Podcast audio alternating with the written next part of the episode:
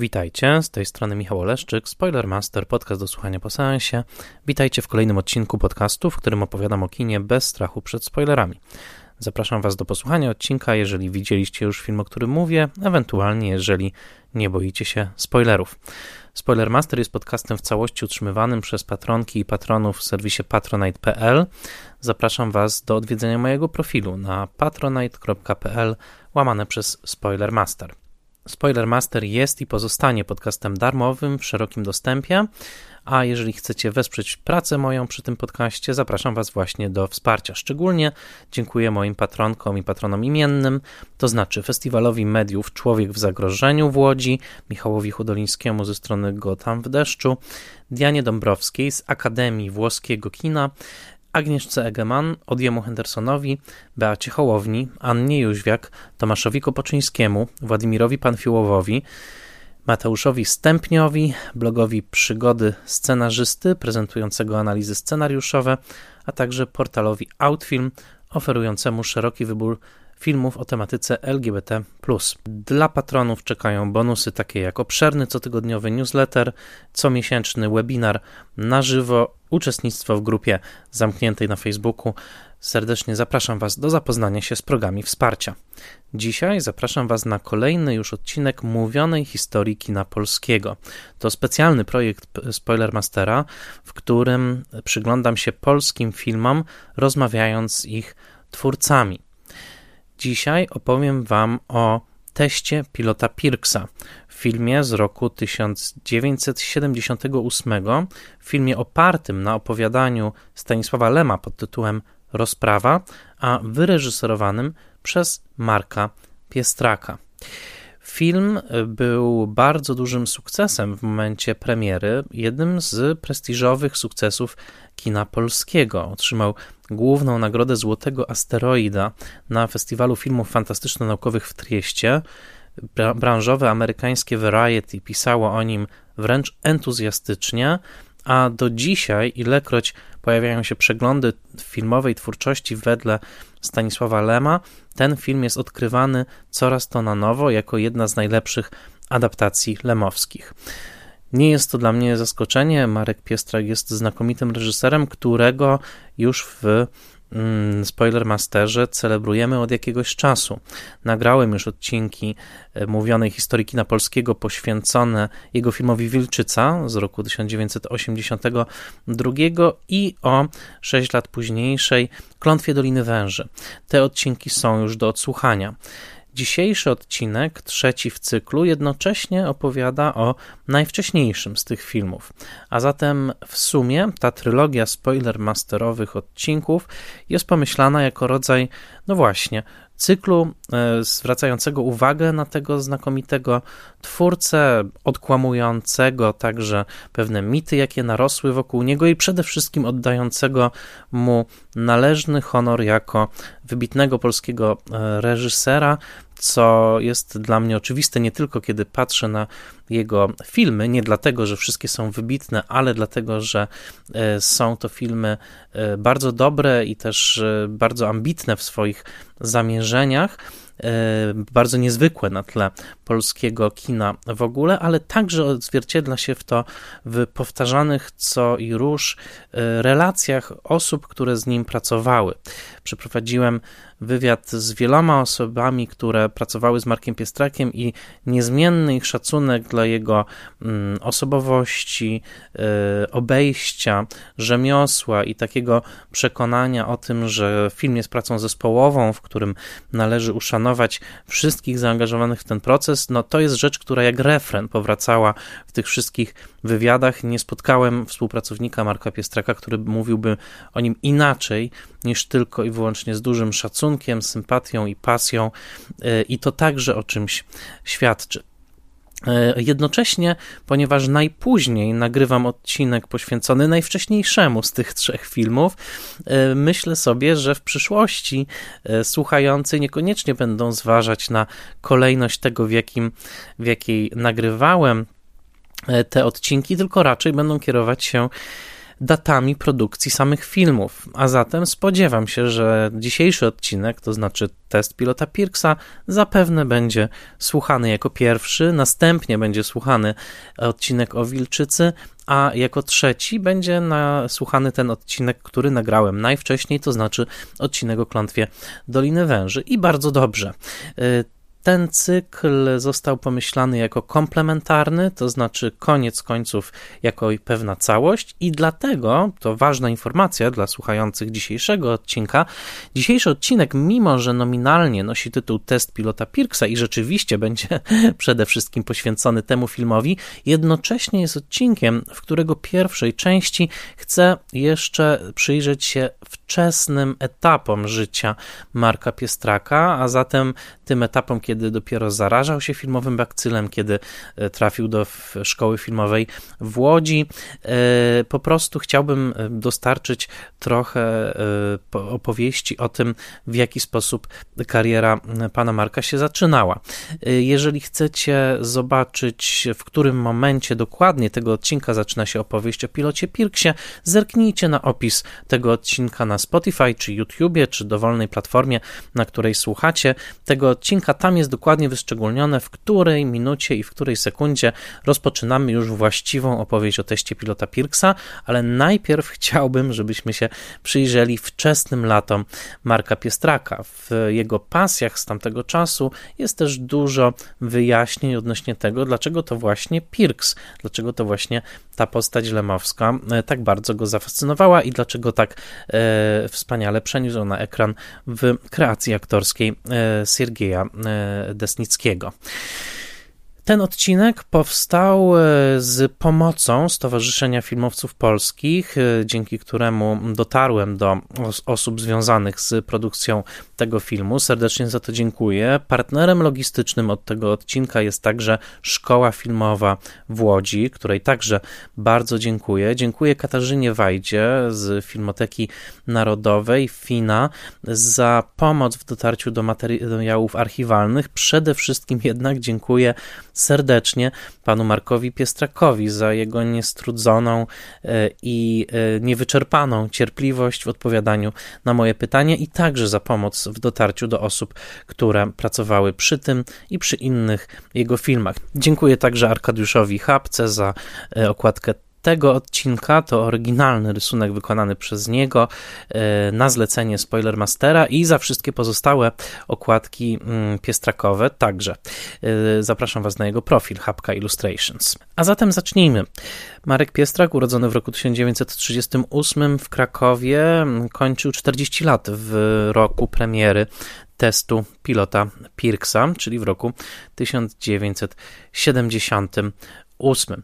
Ten film był jego pierwszym pełnometrażowym kinowym filmem. Wcześniej zrealizował w roku 1973 telewizyjny film wedle Stanisława Lema pod tytułem Śledztwo, oparty na powieści dokładnie pod takim tytułem, a także fabularny telewizyjny film pod tytułem Cień tamtej wiosny, liczący sobie 47 minut. Ale faktycznie pełnometrażowym debiutem była ta koprodukcja z roku 1978, koprodukcja między Polską i Estonią. Zacznijmy od y, samego pana Marka Piestraka, który opowie nam o swoim dzieciństwie, o najwcześniejszych latach, o najwcześniejszych wspomnieniach. Albowiem zwrócę uwagę, że Marek Piestrak przyszedł na świat na rok przed wybuchem II wojny światowej i w sposób nieuchronny to właśnie ta wojna ukształtuje także jego wyobraźnię na wiele e, sposobów, czemu najważniejszy, najpełniejszy wyraz da w filmie Łza Księcia Ciemności z 1992 roku, który także rozgrywa się dosłownie w przededniu II wojny światowej i ukazuje już nadejście owej hekatomby wojennej. A zatem oddajmy głos panu Markowi Piestrakowi i posłuchajmy o jego najwcześniejszych latach. No, w takich najwcześniejszych latach, które pamiętam, y, to byliśmy z moją mamą i dziadkami moimi, rodzicami mamy w Krakowie. Była to czasy okupacji hitlerowskiej. I stamtąd pamiętam tylko pewne obrazy. To znaczy pamiętam, i to na pewno mi się nie wydaje, tylko ja to pamiętam, jak byliśmy na spacerze z mamą, która, a ojciec mój już nie żył wtedy, jak, ja, jak pamiętam. Y, także wychowywaliśmy się bez ojca, czy ja i mój braciszek, ponieważ tata, mm, jak wybuchła wojna w 1939 roku, y, tata poszedł do wojska i niestety szukał tego wojska, swojego oddziału. W końcu się przedostał do Francji.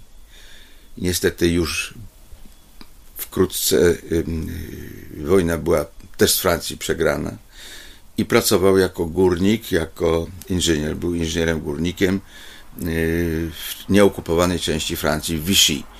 I mama była sama z nami i z rodzicami swoimi byliśmy w Krakowie. To to takie moje najstarsze wspomnienia. Pamiętam oddziały niemieckie i pamiętam śpiewy Heili, Heilu, Heila. Pamiętam na pewno bramę do getta, bo myśmy mieszkali blisko getta, y, blisko ulicy Starowiśnej w Krakowie i niedaleko już stamtąd zaczynało się getto. Pamiętam, jak się pytałem, co, co to za ludzie, bo brama była mm, zbudowana z jakichś takich sztachet czy tego, że widać było ludzi stojących tam i dzieci też. I pytałem się, co to jest. Mówi, to są zamknięci Żydzi w getcie. To mówiła moja mama. I to, to, to mam takie urwane wspomnienia. Pamiętam z czasów okupacji takie wspomnienie, jak wyjeżdżaliśmy z Krakowa, byliśmy w czasie, w lecie, wyjeżdżaliśmy do wsi pod krakowskiej Sfoszowice i w tej wsi mieszkaliśmy w jakimś wynajętym pokoju u nauczyciela. I pamiętam kiedyś y, no, mama miała wtedy znajomego swojego, który potem został moim ojczymem, bo się okazało, że ojciec zginął w czasie wojny w tej, w tej Francji, w katastrofie górniczej. Y, był na czele oddziału ratunkowego, był wybuch metanu i byliśmy no, osieroceni. Ja ojca w ogóle nie pamiętam a mój brat urodził się już po jego śmierci. Młodszy był. To taka historia. No ale wtedy był znajomy moich yy, rodziców, dziadków, taki pan, który, który odwiedzał nas wtedy. I kiedy poszliśmy razem z tych Sfosowic na odpust, gdzie były, była karuzela. I pamiętam, jak wracaliśmy z tego odpustu, były z daleka strzały i ze zboża wyszło dwóch mężczyzn i mówili uciekajcie, bo jest ogromna łapanka. Niemcy tutaj szukają jakichś uciekinierów. I mój tata, późniejszy mówię tata, ten, ten pan, uciekł do zboża, a myśmy z mamą leżeli w zbożu, w rowie, czekając aż te strzały się oddalą i ci, e, ci Niemcy gdzieś znikną za horyzontem. No to takie. I jeszcze pamiętam jedną rzecz, jeszcze pamiętam kilka rzeczy. Pamiętam jak e, niemiecka artyleria przeciwlotnicza strzelała do samolotów y, lecących y, na naloty do Niemiec, na Berlin, bo pamiętam, no z kolei dziadek, mój dziadek, który był też inżynierem, był z nami, objaśniał, że to są naloty i, i a, a mnie to fascynowało, ponieważ niebie, na, nie, na niebie wybuchały kłębki y, takie jakby waty. To były wybuchy pocisków artyleryjskich, niemieckiej artylerii przeciwlotniczej i skrzyły się też jakby bardzo wysoko. Y, nie wiem, czy to były y, może błyski samolotów, ale też były na pewno, pamiętam, smugi kondensacyjne, bo te y, bombowce leciały bardzo wysoko. I te strzały i zbieraliśmy na polach, bo z nieba leciała, leciały srebrne takie kłąb, kłęby, bo te samoloty zrzucały, to mi też objaśniał mój dziadek, Y, rzucały, coś y, teraz nazwało, folię srebrną, taką jak, jak, jak jest metalizującą, żeby y, zmylić niemieckie dalmierze, czy też może te, te początki radarów, które mieli. I, i to myśmy zbierali na polach te, te, te, te kłęby. To, to są takie sceny, sceny wojenne. Pan Marek Piestrak jest urodzony w Krakowie. Słuchamy o jego wspomnieniach z okresu dzieciństwa. Ja natomiast jestem urodzony w Tarnowskich Górach e, w roku 1982. W pewnym momencie natrafiłem na informację, że także pan Marek Piestrak jest związany z Tarnowskimi Górami i postanowiłem go o to zapytać, właśnie o to, w jaki sposób jest on związany ze Śląskiem. Ale jestem związany bardzo blisko y, z górnictwem i ze Śląskiem, ponieważ mój dziadek to jest ojciec mojego ojca, był inżynierem górnikiem, inżynier Felix Piestrak, który założył Muzeum Salinarne, był dyrektorem kopalni soli w Wieliczce. I założył tam Muzeum Salinarne. Potem na emeryturze przeniósł się do Tarnowskich Gór z Wieliczki i w Tarnowskich Górach y, był dyrektorem szkoły sztygarów. Najpierw to był, potem była to jakaś szkoła, szkoła górnicza. No a mój ojciec był też inżynierem górnikiem.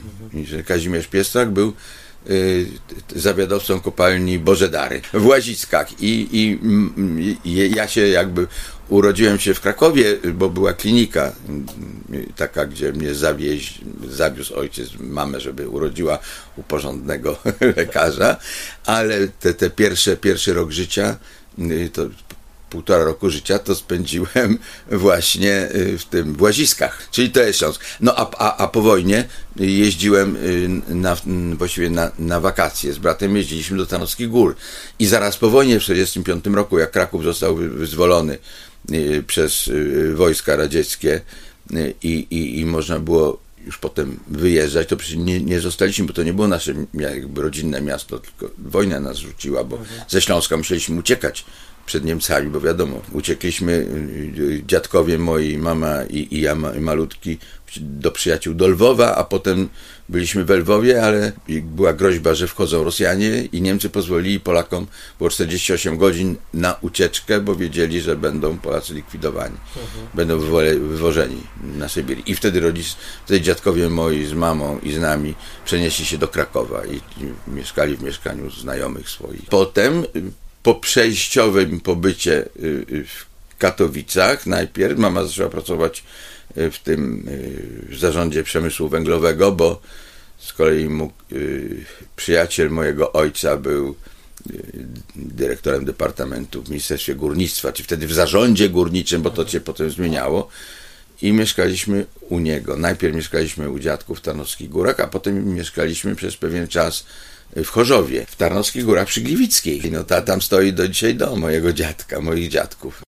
Bardzo interesowało mnie także, jakie było pierwsze kino, do którego uczęszczał Marek Piestrak i czy nie było tak, że właśnie mieściło się ono na Śląsku? No to pierwsze mam z Katowic, z Kina Rialto. Pamiętam Kino Rialto, wspaniałe Kino Rialto. Y, mama nas brała, brała do kina, to, to był rok pewnie 45 albo 46, chyba raczej 46 myślę, bo już kina były otwarte i, i, i uruchomione i oglądałem tam dwa filmy. Oglądałem Disneya o krasnoludkach i sierotce Marysi. Wspaniała bajka disneyowska, była czarownica i.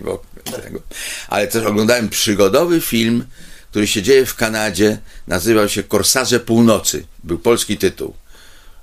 I, były, i, I była królewska konna policja kanadyjska w o. czerwonych kurtkach i byli, ale tam były fascynujące sceny, no przyroda kanadyjska, tak. tam hydroplan, zobaczyłem, który ląduje, to były jakieś afery przemytnicze w tym filmie, Korsarze Północy. Północy. Taki był polski tytuł. Obok filmów u każdego młodego artysty czy filmowca ważne są także formacyjne lektury, a zatem byłem zainteresowany tym, co Marek Piestrak czytał w młodości. Przede wszystkim Karola Maja. Karola Maja, Maxa Branda, George'a Owena Baxtera, no, Coopera? Coopera, Kuruda. To były moje lektury. Lata późniejszej młodości y, Marka Piestraka przypadają na Gdynię i teraz posłuchamy właśnie o tym okresie. Po prostu w Gdyni było dużo kin. Były kino, słynne kino Warszawa na Świętojańskiej, przedwojenne, duże kino, ładne. Było kino Atlantyk, było kino Goplana i blisko 10 minut trolejbusem od naszego domu było kino na Grabówku, kino Fala. A do tego kina Fala najczęściej chodziłem na filmy od 14 lat, a miałem wtedy lat yy, 7, 9, 10, dlatego że piętro nade mną, dwa piętra nade mną, mieszkał kierownik tego kina. Był naszym sąsiadem. I on wtedy, jak ja chciałem iść do kina, to on mówi, no to ja ciebie wpuszczę. Szedłem do niego i stawał przy bileterce i mnie wpuszczał. I oglądałem Niewidzialnego Detektywa, Gildę, yy, potem yy, no, do, pierwszy western, yy, Miasto Bezprawia. Te filmy były wyświetlane po wojnie w Polsce. Do 48-9 roku, potem nagle była zmiana już absolutna ustroju na z pseudodemokracji na, na, już na stalinizm. Zlikwidowano wtedy, pamiętam, kluby, bo Gdynia była miastem w 1947 roku dosyć wesołym, bo hmm. pamiętam, był, by, były restauracje, kluby, y, y, na redzie stały rzędy statków, które czekały na wejście do portu na rozładunek z całego świata. Statki z UNRą, amerykańskie statki. Z kolei mojego starszy brat, mojego kolegi z klasy, y, pływał na darze Pomorza jako, jako oficer, pierwszy oficer po skończeniu szkoły morskiej. No i pamiętam jak dzisiaj, tam on miał już adapter i miał pierwszego long playa zobaczyłem, ale to już było później. Najpierw oczywiście biegałem, no o, o, oprócz tych amerykańskich filmów też lubiłem filmy, filmy rosyjskie. No ja pamiętam, pamiętam mm, różne filmy, Krążownik Warek na przykład, wojenne filmy y, o, o historii z y, bitwy morskiej rosyjsko-japońskiej. No.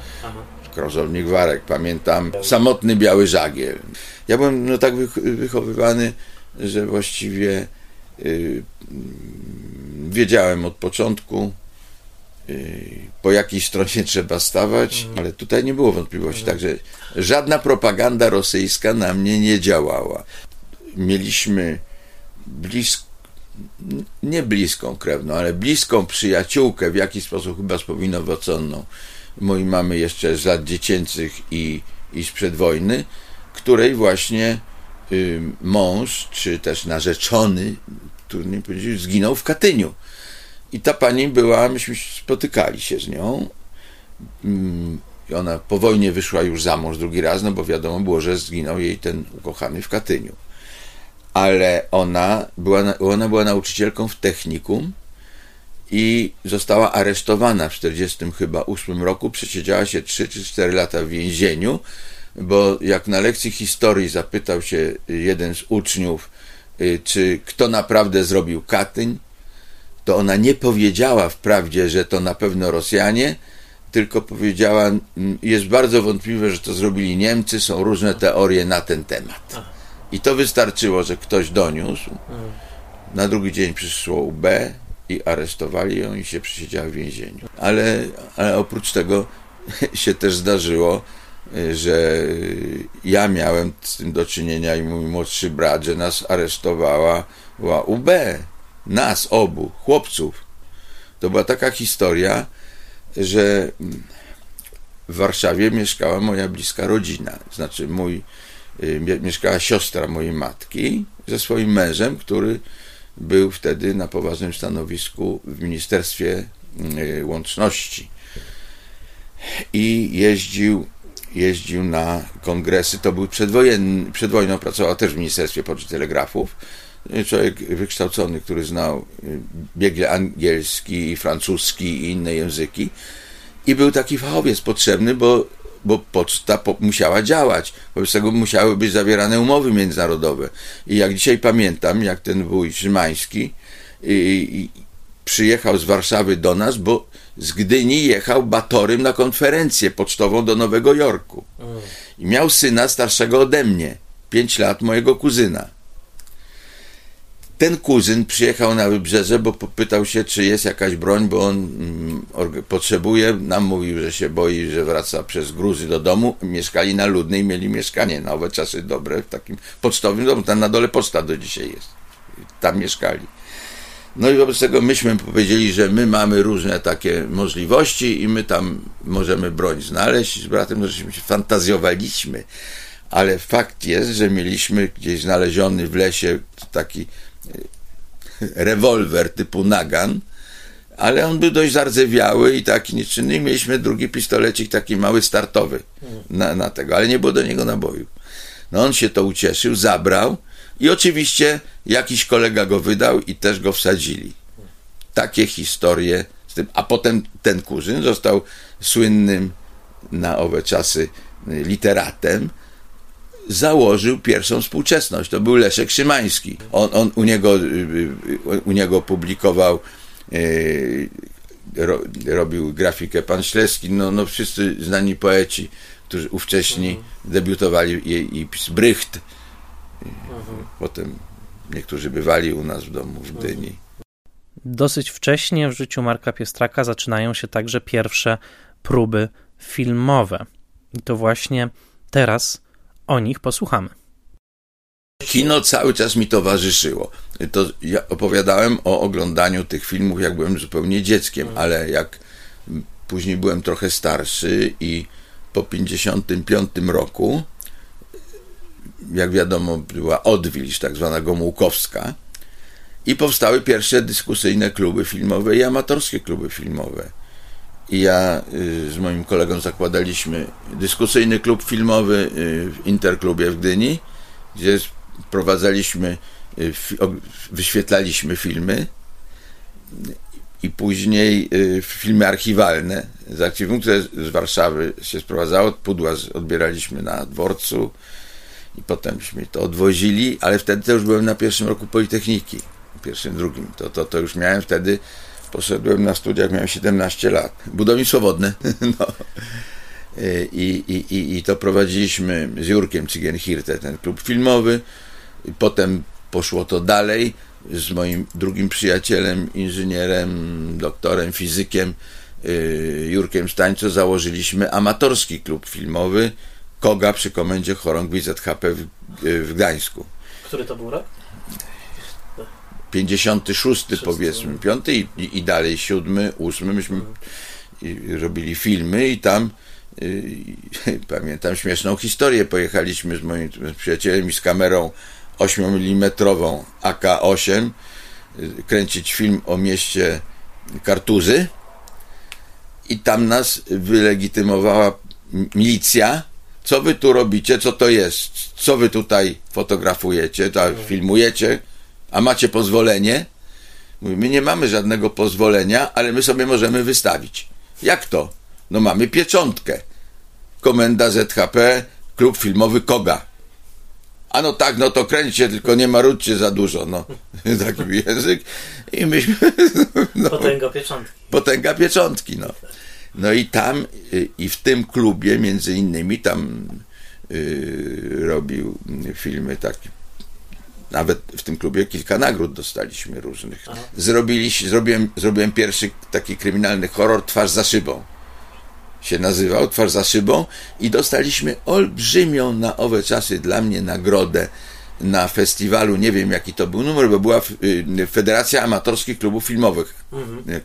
I był Festiwal Amatorskich Klubów Filmowych w Bydgoszczy, gdzie y, pokazywał swój film też ówczesny chyba student już szkoły filmowej, bo to już musiało być na drugim czy trzecim roku Politechniki później. Mhm.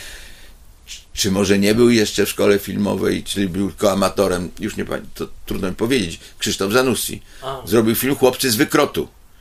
I myśmy podziwiali, że on był udźwiękowiony jakoś, Aha. bo nasz był niemy.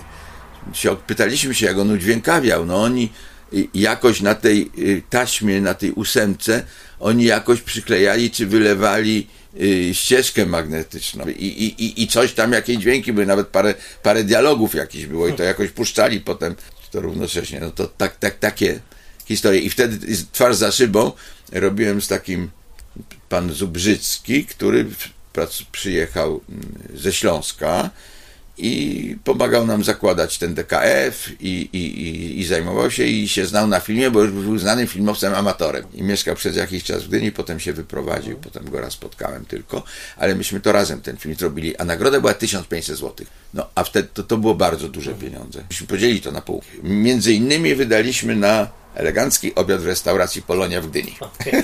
Z forsami, no.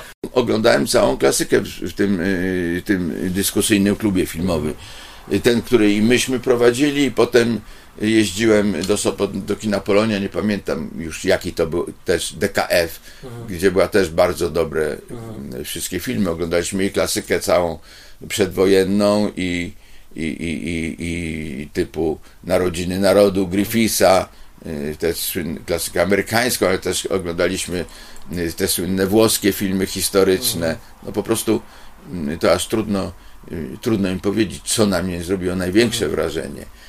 Ale potem oczywiście w czasie studiów na Politechnice oglądaliśmy to, co mogliśmy oglądać, cały ówczesny repertuar, bo pierwsze amerykańskie filmy które wtedy weszły na ekrany, to pamiętam o, o tym, był film o chłopcu, który pojechał na Long Island na, na plażę, chyba się nazywał Mały Uciekinier, no a potem się zaczęły westerny. A no, oczywiście jeszcze w ramach filmów archiwalnych, no Diligence Johna Forda, oczywiście, oczywiście, czyli tu, tu muszę powiedzieć, że i Diligence, no ale także oczywiście Casablanca. Casablanca. To było. Sokół Maltański, ale także i Fred Astaire, Ginger Rogers, te film. To kino. I, I jak pan sobie wtedy myślał, jakim chciałby pan być reżyserem? Jakie filmy chciałby pan robić? Takie jak te, co oglądałem, amerykańskie. amerykańskie. ten zachwyt.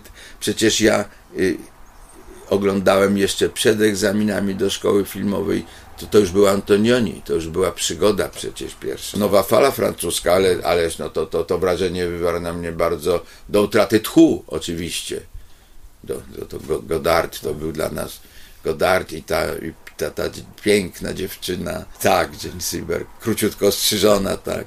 No i on taki Bogarto, Bogartowski też. No ten, i ten Bogartowski, tak, tak, tak. Ten, ten film. Ale już wtedy się zaczynały też polskie filmy oczywiście.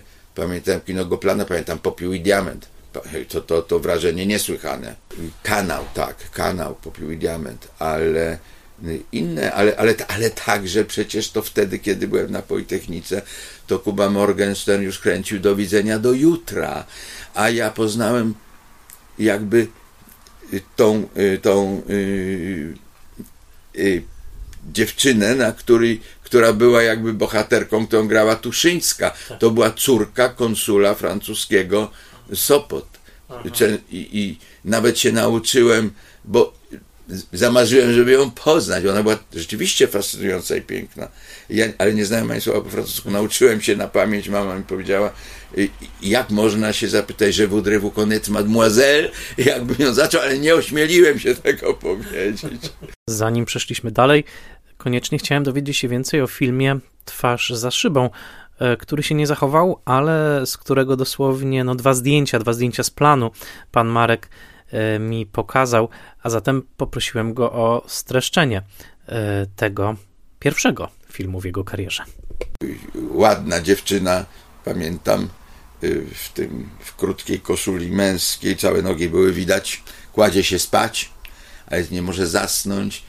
Myśmy zrobili dekoracje, tam wiszą maski jakieś murzyńskie i inne cienie, robiliśmy różne takie fotografie i, i przestraszona, potem wydaje się, że ktoś za szybą jest, ktoś się do niej dobiera, y, wychodzi jakiś straszny cień człowieka i, i, i ona się budzi przerażona, a potem się okazuje, że światło zapala. A, no, to, to, to, nie wiem, trzy minuty. Po ukończeniu inżynierii wodnej na Wydziale Budownictwa Wodnego Politechniki Gdańskiej e, Marek Piestrak zdał do łódzkiej szkoły filmowej. Pamiętajcie, że wówczas, aby zdać do tej szkoły, trzeba było mieć już ukończone jedne studia i właśnie owa inżynieria wodna była tym kierunkiem, który ukończył Marek Piestrak. Posłuchajmy jego wspomnień o łódzkiej szkole filmowej w tamtych latach i o jego doświadczeniu bycia tam. To po prostu była, była fascynacja tymi studiami, tym, że się dostało, ogromna ilość zdawała, a przyjęli nas kilka osób. Dosłownie na pierwszy rok między innymi ze mną był Marek Piwowski, Grzegorz Królikiewicz, Krzysztof Wierzbiański, z tych, którzy y, później przeszli. No, był Wojtek Frykowski z nami na roku. On powtarzał rok w jakiś sposób, nie wiem, czy nie zdał czegoś egzaminu, bo on już wcześniej studiował, ale wiadomo było, że był, y, pracował z Polańskim. To tylko przez, jakby przez niego ja y, znałem o Polańskim, bo wtedy jak ja przyszedłem, to Polański już był za granicą. Słynnym elementem życiorysu Marka Piestraka jest to, że odbywał swoje praktyki filmowe w Hollywood i to u boku Romana Polańskiego na planie dziecka Rozmery. Posłuchajmy o tym, jak w ogóle trafił do Hollywood i jak tam było w Paramountie na planie jednego z najsłynniejszych horrorów świata. To po prostu był przypadek, ale nie tylko. To była też, y, też y, jakiś marzenie, ale też do tego jakoś ja konsekwentnie doprowadziłem do tej realizacji tego, tego marzenia. Po pierwsze, yy, pomogło mi to, że moja mama miała rodzinę w Stanach, która została wywieziona na, do Rosji i z armią Andersa, poszli do armii Andersa oboje, ona i jej mąż, niezależnie zresztą od siebie, i przedostali się po wojnie do Wielkiej Brytanii. Ona pracowała w lotnictwie on był pilotem i poprzez Argentynę, jak wielu Polaków, y, przez jakieś lata powojenne w Argentynie, wyrwali się z Wielkiej Brytanii y, i potem y, wylądowali w Los Angeles, gdzie oboje pracowali na poważnych stanowiskach, byli wykształceni, znający angielski i nie była to w ogóle tego typu emigracja, o której my myślimy. To była emigracja, którzy już wtedy byli professionals. Ona była dyrektorem biblioteki Fuse Aircraft Company, która biblioteki, ale to nie była beletrystyczna, tylko, tylko biblioteka naukowa. Ona miała y, wstęp, przepustkę, mogła parkować pod tym blokiem, w którym y, y, by, była jej praca. A przedtem było parkingi na 10 tysięcy samochodów, bo to budowali samoloty, helikoptery, no i dla wojska, i to, to, to tak. A on pracował w zarządzie notabene wody, a pamiętamy o czym był film Polańskiego w zarządzie gospodarki wodnej, doktor ekonomista w zarządzie gospodarki wodnej w Los Angeles. I oni byli w Polsce, odwiedzili rodzinę pierwszy raz właśnie w 1968 roku, bo dostali wtedy paszporty i pozwolenie, nie przyjazd, przedtem nie mogli na przyjazd. Odwiedzili między innymi y, moją mamę w Gdyni i ja ich poznałem i oni powiedzieli, Marek, jak tylko będziesz chciał kiedykolwiek, to zapraszamy cię, przyjeżdżaj do Stanów. No to już był taki I had a dream, prawda? I miałem takie marzenie, że uda mi się pojechać do nich do Stanów. No i to było, rozpocząłem starania o paszport, rozpocząłem starania y, o zdobycie zezwoleń na zakup biletu na podróż batorym do Montrealu, bo nie było samolotów z Polski i samolot rzeczywiście był straszliwie drogi. Y, podróż batorem też kosztowała chyba 7 tysięcy tam i z powrotem. Moich rodziców nie było na to stać. Pożyczyłem od moich starszych kuzynów z Krakowa, którzy już byli też oboje inżynierami i zarabiali. Pożyczyli mi na tą podróż. Popłynąłem batorem do Montrealu. W Montrealu na całe szczęście miałem y, też absolwenta Politechniki, kolegę innego wydziału, który wyjechał wcześniej jak, jak się mówiono, uciekł Polsce, z Polski został i też już pracował mhm. i miał małe mieszkanko i, i on się mną przyjechał pod Batorego samochodem, yy, potem mnie zawiózł, kilka dni byłem w Montrealu, zwiedziłem Expo, no i zobaczyłem film, który mnie zafascynował, bo doktor Zivago, którego nie mogliśmy, nie w Polsce nie, nie, było jeszcze tego filmu, nie było wolno. Na olbrzymim ekranie z muzyką stereo. Hollywoodzki film w drodze. No i potem, potem Greyhoundem, bo to było najtaniej. Jechałem trzy dni, trzy noce poprzez San Francisco do Los Angeles. No i w Los Angeles wiedziałem, że wtedy w Los Angeles jest profesor Jerzy Teplitz, wykładał na UCLA historię filmu światowego.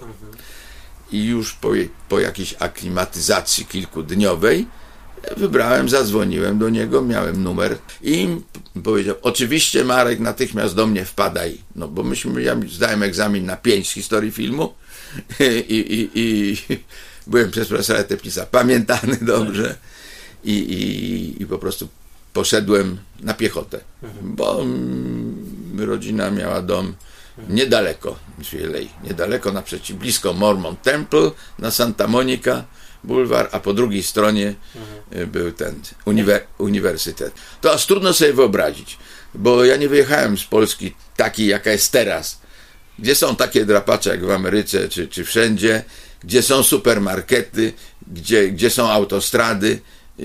To był zupełnie inny świat. Jak Batory zbliżał się dzień czy, czy, czy półtora dnia przed Kanadą, przed wpłynięciem na rzekę Świętego Wawrzyńca, bo on płynął przecież do Montrealu, to stałem wieczorem na pokładzie i poczułem zapach żywicy.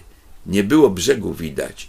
I koło mnie stanął profesor ówczesny, młody naukowiec, który jechał na staż jakiś do Ameryki, profesor Politechniki Warszawskiej, starszy ode mnie parę lat wtedy, ja wtedy miałem 28 czy 29 lat. Już, no bo to po drugie, studi drugie studia. I, i, i, i ja mówię, coś pachnie. W czasie tego rejsu, który był dość długi, no to, to, to się poznaliśmy i często rozmawialiśmy ze sobą. A on mówi, no, no poczuj, co to jest.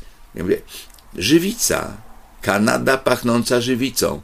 Fiedler, też jeden z bohaterów lektur. Kanada pachnąca żywicą.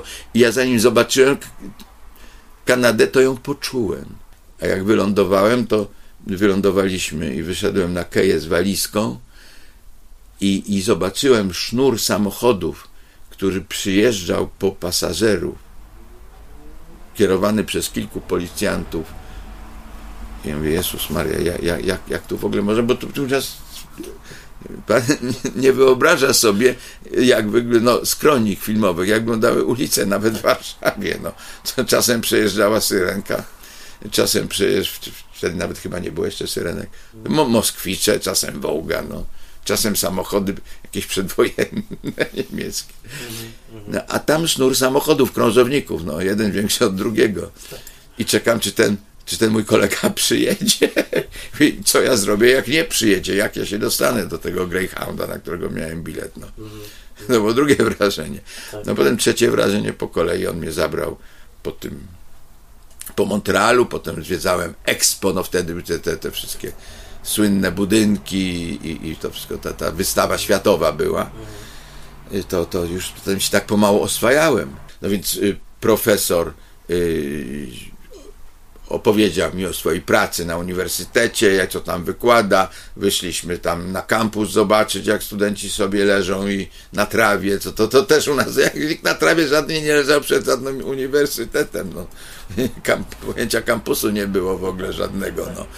Ale było to bardzo przyjemne. I, ale za parę dni do mnie zadzwonił i mówi Marek, y, mam zaproszenie od Romka do Paramountu bo Romek Polański kręci, już mi wtedy opowiedział, że Polański kręci tutaj film w Paramount, e, film Rosemary's Baby. I, i, i powiedział, że mamy zaproszenie, wiesz, że trudno jest mi dostać się tam, bo to miejska komunikacja właściwie istniała, ale to taki mhm. była w powijakach. Bardzo rzadko jakiś autobus gdzieś tam jeździł. No. Mhm. Więc czy mógłbyś mnie jakoś y, zabrać, może ktoś z rodziny? A ja mówię, dobrze, to panie profesorze się zorientuje i, i, i zadzwonię. Więc yy, yy, kręcono zasadnicze cały film, całe mieszkanie bohaterów to było kręcone w tym, wszystko było w studio w Paramouncie, ale to było to tak, że ja pojechałem po profesora na uniwersytet, pojechaliśmy na, yy, no, na, nie pamiętam jak się ta ulica nazywa, w każdym razie do Cecil de Mille Gate tam było kilka takich wejść i, i każde było, miało kolumny i jakąś nazwę. I do Romka się szło do, na, na plan jego filmu, się wchodziło przez Cecil de Mille Gate. Byli tam strażnicy w budce, jak i w Polsce w środku w tym gate, ale oczywiście było, były te, wiadomo było, żeby profesor Teplitz and his student i, i Romek wyszedł po nas, przywitał się, zaprowadził nas na halę zdjęciową, oglądaliśmy sobie wszystko, prowadził nas po wytwórni, pokazał nam, gdzie się kręci Bonance, stała ferma Cartwrightów, a za nią stał olbrzymi sztuczny horyzont w wysokości kilku pięter, gdzie były y, nie namalowana, tylko ze zdjęć zrobiona panorama gór i chmur i tak dalej, bo ta cała ferma, która, o, o, którą wszyscy myśleli, że cały czas była tam, oczywiście do, dokręcone, dokręcane były sceny przed, przed tym, tym ranczem, ale, ale to było kręcone w studio. No i, i potem nas zaprosił Polański na lunch i tam taka była kantyna. I w tej kantynie obok nas przy stoliku siedziała cała rodzina Cartwrightów. Ci wszyscy bohaterowie, którzy byli bohaterowi, bohaterami wyobraźni zbiorowej w Polsce wtedy, bo wtedy właśnie pozwolili, to był chyba pierwszy serial amerykański, Bonanza. I tu nagle siedzą koło mnie Cartwrightowie. To było niesamowite przeżycie. A, a jeszcze większe było, jak już się żegnaliśmy z Polańskim. Powiedział, jak chcesz, to możesz do mnie przychodzić y, na do studia codziennie i obserwować, jak tu się kręci filmy. No i on mi zaproponował, czy ja chcę, ja chcę, a, a, a, a pierwszy, po pierwszym dniu, jakby gdzie już przyjechałem rano do studia i, i, i też mnie przywitał przy wejściu na halę zdjęciową, która była dość blisko tego wejścia po lewej stronie. I mówi, ja się patrzę, a co tu, przy wejściu od razu taki był bufet i ciastka i kawa, herbata i Aromek mówi, to możesz jeść, wiesz, jesteś jakby członkiem ekipy. Ja mówię, naprawdę? Nikt cię tu nie będzie wyliczał, tu nie jest Polska, a z drugiej strony była taka olbrzymia lodówa, taka cała skrzynia, zamrazarka, gdzie Coca-Cola, Fanta, wszystko było. No ja się poczułem, że już jestem w innym świecie, no. Tak. No i tym bardziej, że ten, po tym dniu jeszcze mi pokazał ten swój kamper, w którym mieszkał, ten, ten, bo, bo to poza halą zdjęciową były stały te, te no te, te ruchome, te przyczepy, każdy miał swoją przyczepę. Romek miał na swoją flagę biało-czerwoną. On nigdy z tym nie zerwał, uwa uważał, że jest Polakiem. I, i, i powiedział mi, tak, no to, to fajnie było, fajnie, że jesteś i jak chcesz, przychodź codziennie do końca. No i przychodziłem, dostawałem plan od asystenta, producenta, plan zdjęć na następny, kiedy początek, a kiedy były wyjazdy na lokacje poza studiem, bo parę plenerów było, w porcie jachtowym, to nawet byłem uwzględniony, jakim samochodem jadę i tak dalej. Także to było, no, no pamiętam jak dokładnie scenę tego jakby takiego, nie wiem, sabatu, czy orgi, czy tego, jak oni są na nago, tacy ci stary, ludzie, to, to pamiętam. Oni wszyscy nie byli nago, nie mieli takie te przezroczyste jakby spojrzeć takie stroje. No pamiętam dokładnie scenę, jak kręciliśmy to dziecko, jak z kamerą się zbliżaliśmy do tego, do tego dziecka, no, no do te, tą scenę kręciliśmy. Ale pamiętam scenę w windzie, tą jak w windzie jak jechał do tego domu, co, który był w Nowym Jorku. No do Nowego Jorku już nie pojechałem, bo to było po skończeniu jakby zdjęć tutaj, bo tu się żegnała nawet z ekipą, bo i się do Nowego Jorku. Y, to pamiętam, Mia Farrow się żegnała i każdy prezencik dostał. Ja dostałem też taki do, etui do kluczy. Mam zdjęcie z, z, tym. A w ogóle z Mią Farrow było bardzo przyjemnie. Ona y, często miała długie chwile przerwy między ujęciami, czy coś, czy jakiejś przerwy kilka razy zaprosiła mnie i grała ze mną w ping-ponga. Pamiętam różne inne historie na, już na, na ten Aha. temat już, y, które były to, to nie tylko wesołe, były też z tej strony smutne, bo były wtedy awantury z Frankiem Sinatrą, y, nie tylko komedę, ale oczywiście Sharon Tate poznałem. No, to była jego żona przecież.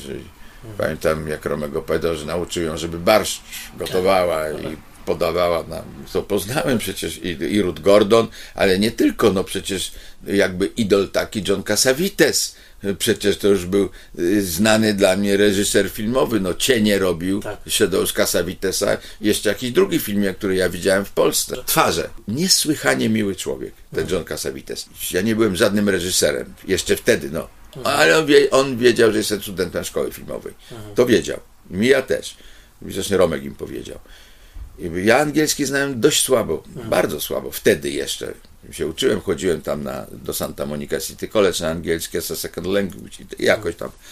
Ale, ale bardzo byłem miło i sympatycznie przez tą ekipę Romka całą traktowany. Mhm. To pamiętam, że, że to nawet lepiej niż jak w Polsce byłem na praktyce. Mhm. Byłem ze Sławkiem Idziakiem i Edkiem Kłosińskim na praktyce przy pierwszym panu samochodziku A, aha. I, I musieliśmy mieszkać y, y, we własnym namiocie koło, y, koło e, holu ekipy i powiedzieli, że nam się nie należy żaden żaden catering, bo a, a, a catering to była zupa przywożona w kotle na planie, a często kręciliśmy w tym Kazimierzu y, za miastem kilkanaście kilometrów gdzieś nad rzeką, no. No, tak. no i mieliśmy namiot tylko. No tak. Mały taki, trzyosobowy, w którym spaliśmy tam. Inaczej niż w Hollywood. Tak. Także to też była tak. różnica. No natomiast sama, y, y, co było y, dla mnie właśnie budujące, co potem opowiadałem, że właściwie, że w szkole filmowej nas uczyli doskonale. Mhm. Myśmy wiedzieli, jak jest, y, jak kręcić, jak wygląda plan filmowy. Naprawdę mm, ta cała organizacja, y, oprócz pewnych nowinek technicznych, to nie była zaskoczeniem zdjęcia na hali, mhm. tylko że tam, tam, była nowi- tam było normalne, a u nas coś było nieprawdopodobnego wtedy, w tych 60 latach, tak. żeby na planie kierownik tego planu miał obok siebie telefon i przez ten telefon on mógł zadzwonić do charakteryzatorni, mógł zadzwonić do montażowni, mógł zadzwonić y, do, do kostiumów, żeby coś donieść i przynieść. No, u nas czegoś takiego w ogóle nie było. Aha. Czyli u nas, jeśli brakowało czegoś nagle, no to była od razu przerwa, bo ktoś musiał biec z hali parę pięter, szukać wyprowadzeń i wszystko odstało. W roku 1970 Marek Piestrak realizuje film pod tytułem Cicha noc, święta noc. To półgodzinny film telewizyjny, czarno-biały, ze świetnymi zdjęciami Sławomira Idziaka. Film, który pokazuje grupę partyzantów e, mordujących e, grupę niemiecką w okolicach Bożego Narodzenia. Są przebrani za kolędników. E, scenariusz stworzył Andrzej Kotkowski przy współpracy właśnie Marka Piestraka i Sławomira Idziaka i film, muszę powiedzieć, jest wybitny. To jest wybitny, krótki film, który buduje atmosferę zagrożenia i który w pewnym sensie antycypuje wybitne filmy zemsty, takie jak chociażby Ostatni dom po lewej stronie Wes'a Cravena. Bardzo serdecznie polecam Wam obejrzenie tego filmu, a pan Marek wspomina, jak poczuł się e, jako reżyser w pierwszym dniu na planie prawdziwego filmu. Jakie emocje mu towarzyszyły? Pierwszy dzień na planie prawdziwego filmu to jest jak wyszedłem mm, z tego pensjonatu, gdzie mieszkaliśmy w Poroninie. Oczywiście była to śnieżna zima, jak, jak były śnieżne zimy, taka jaka powinna być. I ja y, zobaczyłem stojącą kolumnę samochodów gotową do wyjazdu na plan i pomyślałem, że ja tym wszystkim muszę dyrygować i odpowiadam za to, żeby mm, oni wszyscy y, dobrze pracowali i ja tego muszę dopilnować, to muszę przyznać, że i oprócz tego, że to wszystko kosztuje ponad milion złotych ta produkcja, to, no to mnie ogarnął, ogarnął lekki przestrach. No ale miałem przy sobie przyjaciół, to znaczy miałem Sławka i Dziaka, który był moim kolegą z roku, się przyjaźniliśmy i, i, i miałem wtedy świetną scenografkę i kostiumografkę z panią, panią Dobrowolską, potem i kostiumografkę, także jakoś pewnie się poczułem od mhm. razu. Miałem też doskonałego swojego asystenta, drugiego reżysera, to był Janusz Kondratiu, z którym ja się w ogóle umówiłem, że e, on będzie ze mną robił mój pierwszy film, a ja będę z nim robił jego pierwszy film fabularny. No i on ze mną tutaj był drugim reżyserem w tym filmie, a ja potem byłem w jego y, słynnym filmie Jak zdobyć pieniądze, kobietę i sławę. No. Jak jednak wyglądała w tamtych latach droga do debiutu fabularnego? Pomiędzy Cichą Nocą, Świętą Nocą, rok 1970, a testem pilota Pirksa, rok 78, mija w końcu 8 lat. W międzyczasie Marek Piestrak realizuje Śledztwo dla telewizji polskiej, film dokumentalny pod tytułem Mistrz Świata i kolejny film telewizyjny Cień tamtej wiosny. A zatem posłuchajmy o tym, jak wyglądała droga do debiutu w latach 70. Na ogół było przyjęte, że trzeba zrobić, y, zanim się dojdzie do debiutu fabularnego filmem pełnometrażowym, trzeba było się sprawdzić te, dla, y, robiąc filmy, kręcąc filmy telewizyjne. To znaczy półgodzinny, godzinny film telewizyjny. Była taka fabularne. taka była droga. Też dobrze by było także, do, jeśli ktoś był też asystentem reżysera w fabule.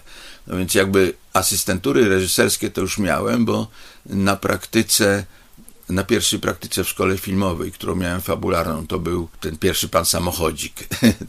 Kręciliśmy to w Kazimierzu, ale potem po drugim roku już pracowałem z Hieronimem Przybyłem, czy po trzecim roku w poznańskich Słowikach byłem. To była już zawodowa produkcja i to byłem asystentem reżysera i równocześnie klapserem no, w tym filmie. E, także miałem przygotowanie zawodowe. No a te filmy fabularne, jak, jak to się szukało? No szukało się, e, pierwszy film, mm, czyli Cicha Noc, Święta Noc, to był taki zespół Plan. On przestał istnieć i ja z tym projektem śledztwa zgłosiłem się do zespołu Pryzmat.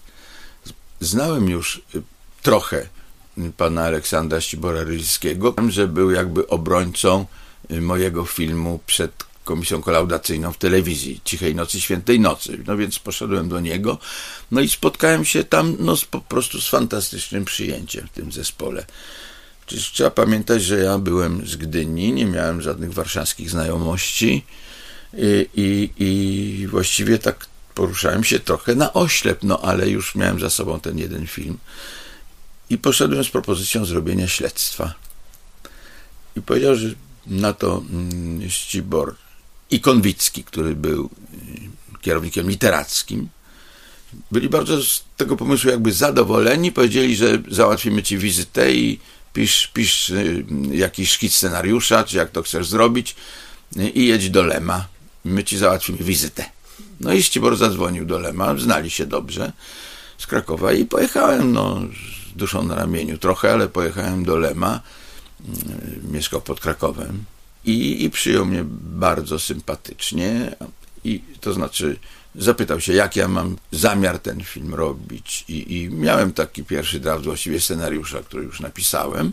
Dosyć szybko wyraził zgodę, żebym realizował. No jakieś tam poprawki, o ile sobie przypominam scenariusza, czy musiałem coś dodać, czy coś, ale to nie były żadne, żadne ingerencje specjalne. I, i, i, I to potem przeniosło się dalej Wprawdzie jeszcze zrobiłem cień tamtej wiosny przed y, debiutem pełnometrażowym, ale y, to śledztwo to bardzo, bardzo się y, przydało, ponieważ to był film, który Lemowi się bardzo podobał.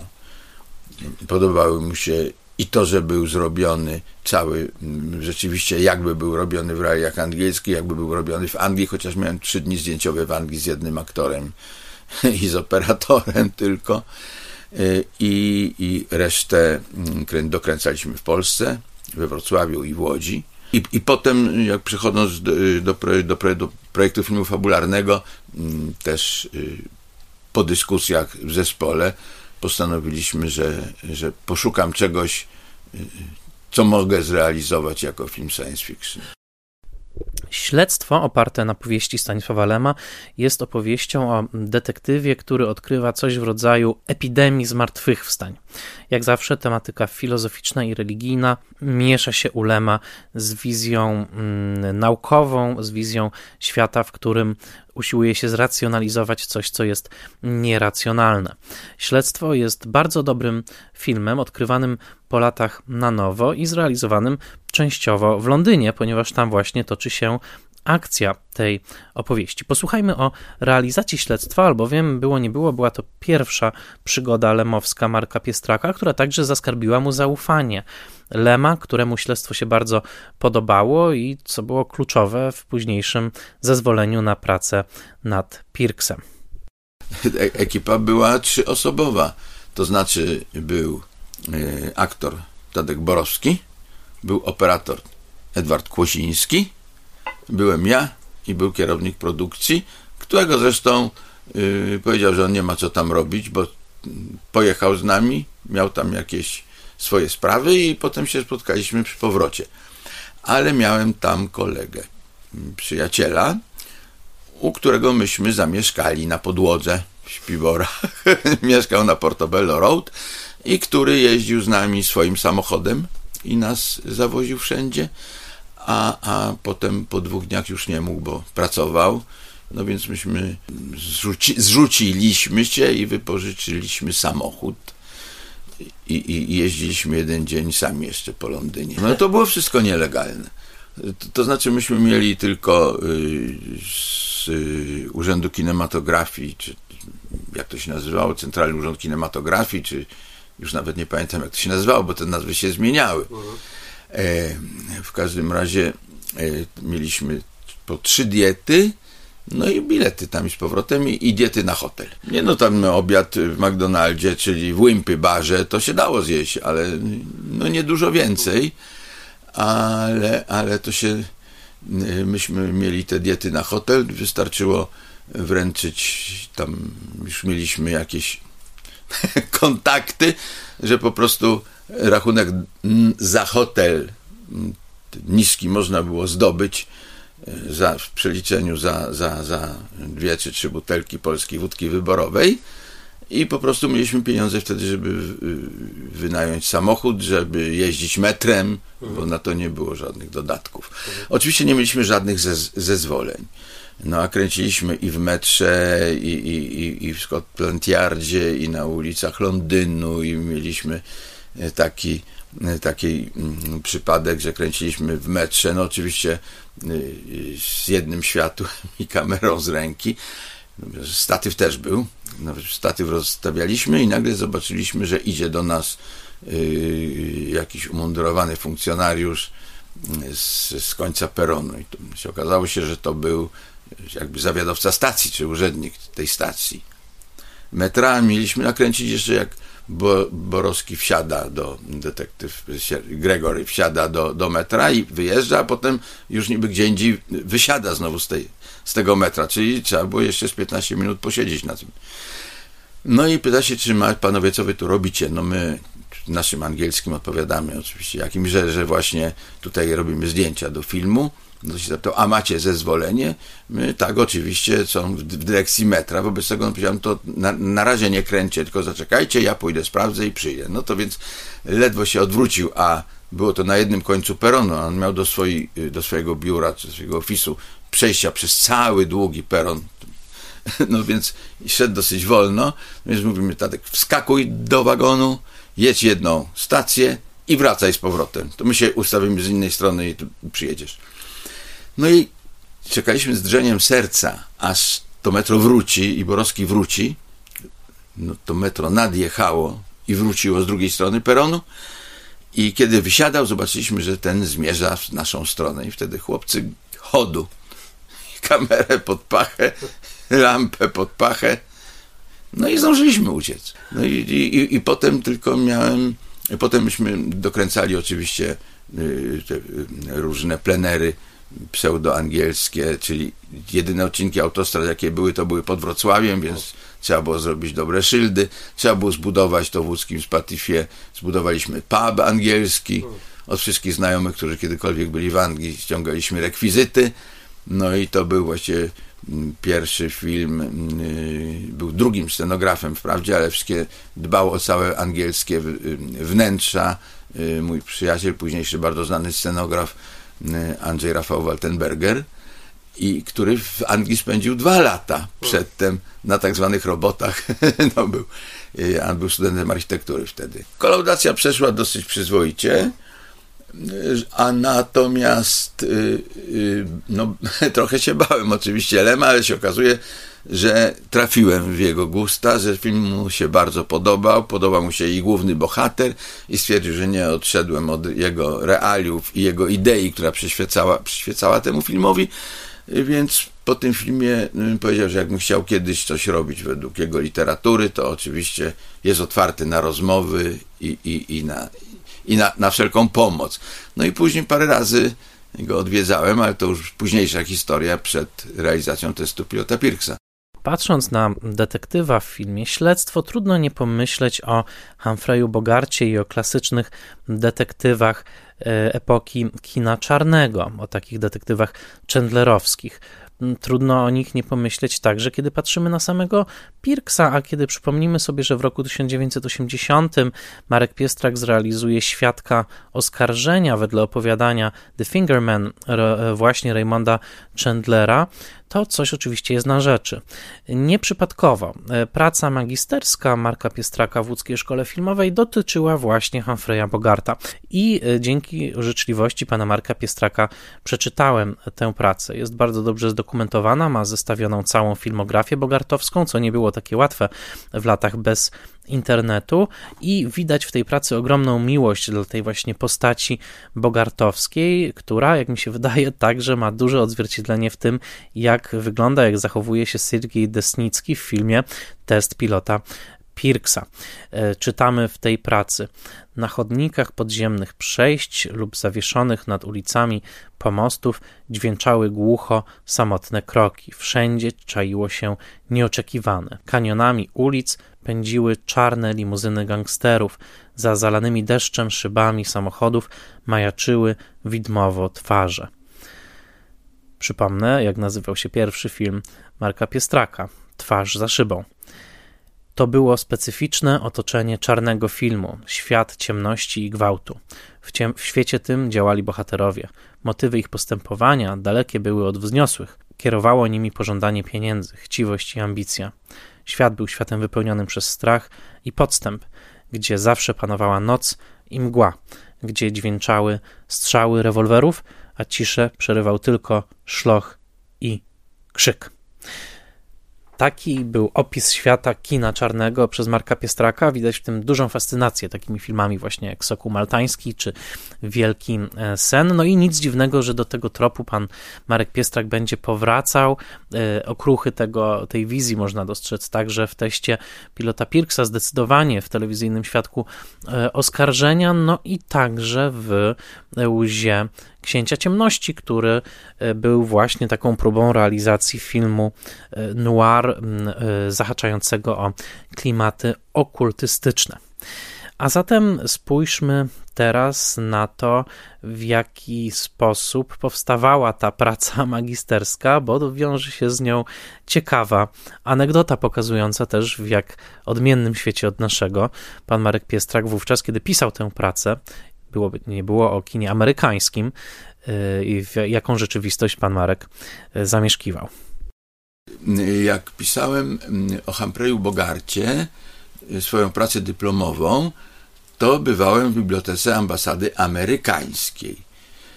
I tam kiedyś zwrócił się do mnie pan, który, y, bo widział mnie drugi czy trzeci raz i się zwrócił do mnie, y, czy może mi w czymś pomóc, bo ja szukałem po półkach tych książek i tak dalej. Okazało się, to był atasz kulturalny ambasady.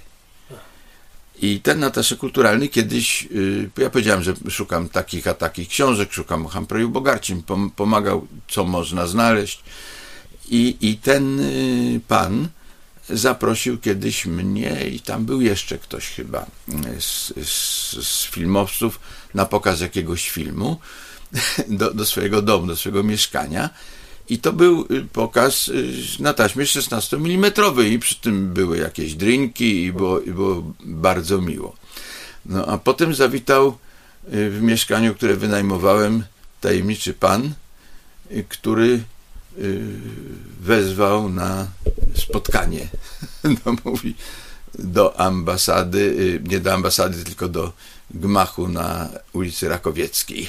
No, no i pytał się, co pan robił w tej, u tego pana i tak dalej. Ja mówię, no byłem, jestem filmowcem, byłem zaproszony na projekcie takiego, takiego filmu. Ja już nawet nie pamiętam, jaki to film był. No mówi tak, no a, a kogo, my wiemy, że pan też był w ambasadzie amerykańskiej kiedyś. Ja mówię, no tak, byłem, owszem, byłem, jak byli, mm, odwiedzali Polskę amerykańscy kosmonauci. Tak. I, i, i no dobrze, no i, i, i co panu, to, to nikt, pana ktoś nie nagabywał, żeby pan został jakimś współpracownikiem? No, nikt mnie nie nagabywał, a chcę, muszę, a chcę panu powiedzieć, że przy tej okazji zobaczyłem paru bardzo słynnych polskich reżyserów, między innymi był tam pierwszy sekretarz Komitetu partii PZPR-u w, w tym w środowisku filmowym i tak dalej. No i to na tym, na tym się na szczęście skończyło. I tak oto dochodzimy do testu pilota Pirksa. E, Stanisław Lem zaufał Markowi Piestrakowi i w korespondencji, która się zachowała, wyraźnie daje mu do zrozumienia, że e, to zaufanie jest bardzo duże i że po wielu niedobrych doświadczeniach, które miał z niesłownością polskich producentów filmowych, jest przekonany, że Marek Piestrak, którego śledztwo bardzo mu się podobało, potraktuje materiał literacki z odpowiednim szacunkiem.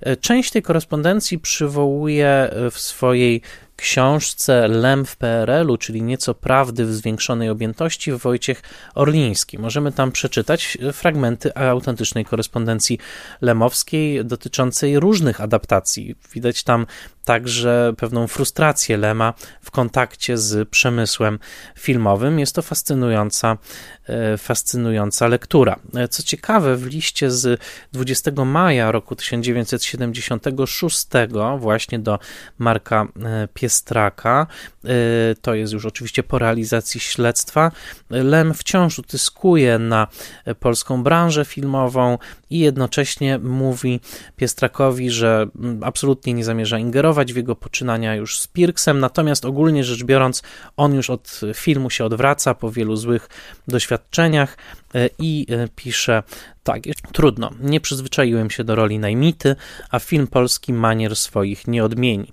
Jeszcze raz podkreślam, że żywię do pana niczym niezmąconą sympatię i uznanie za śledztwo, ale w tym stanie rzeczy rzecz jasna niczego więcej panu dać nie będę mógł. Kataru też nie.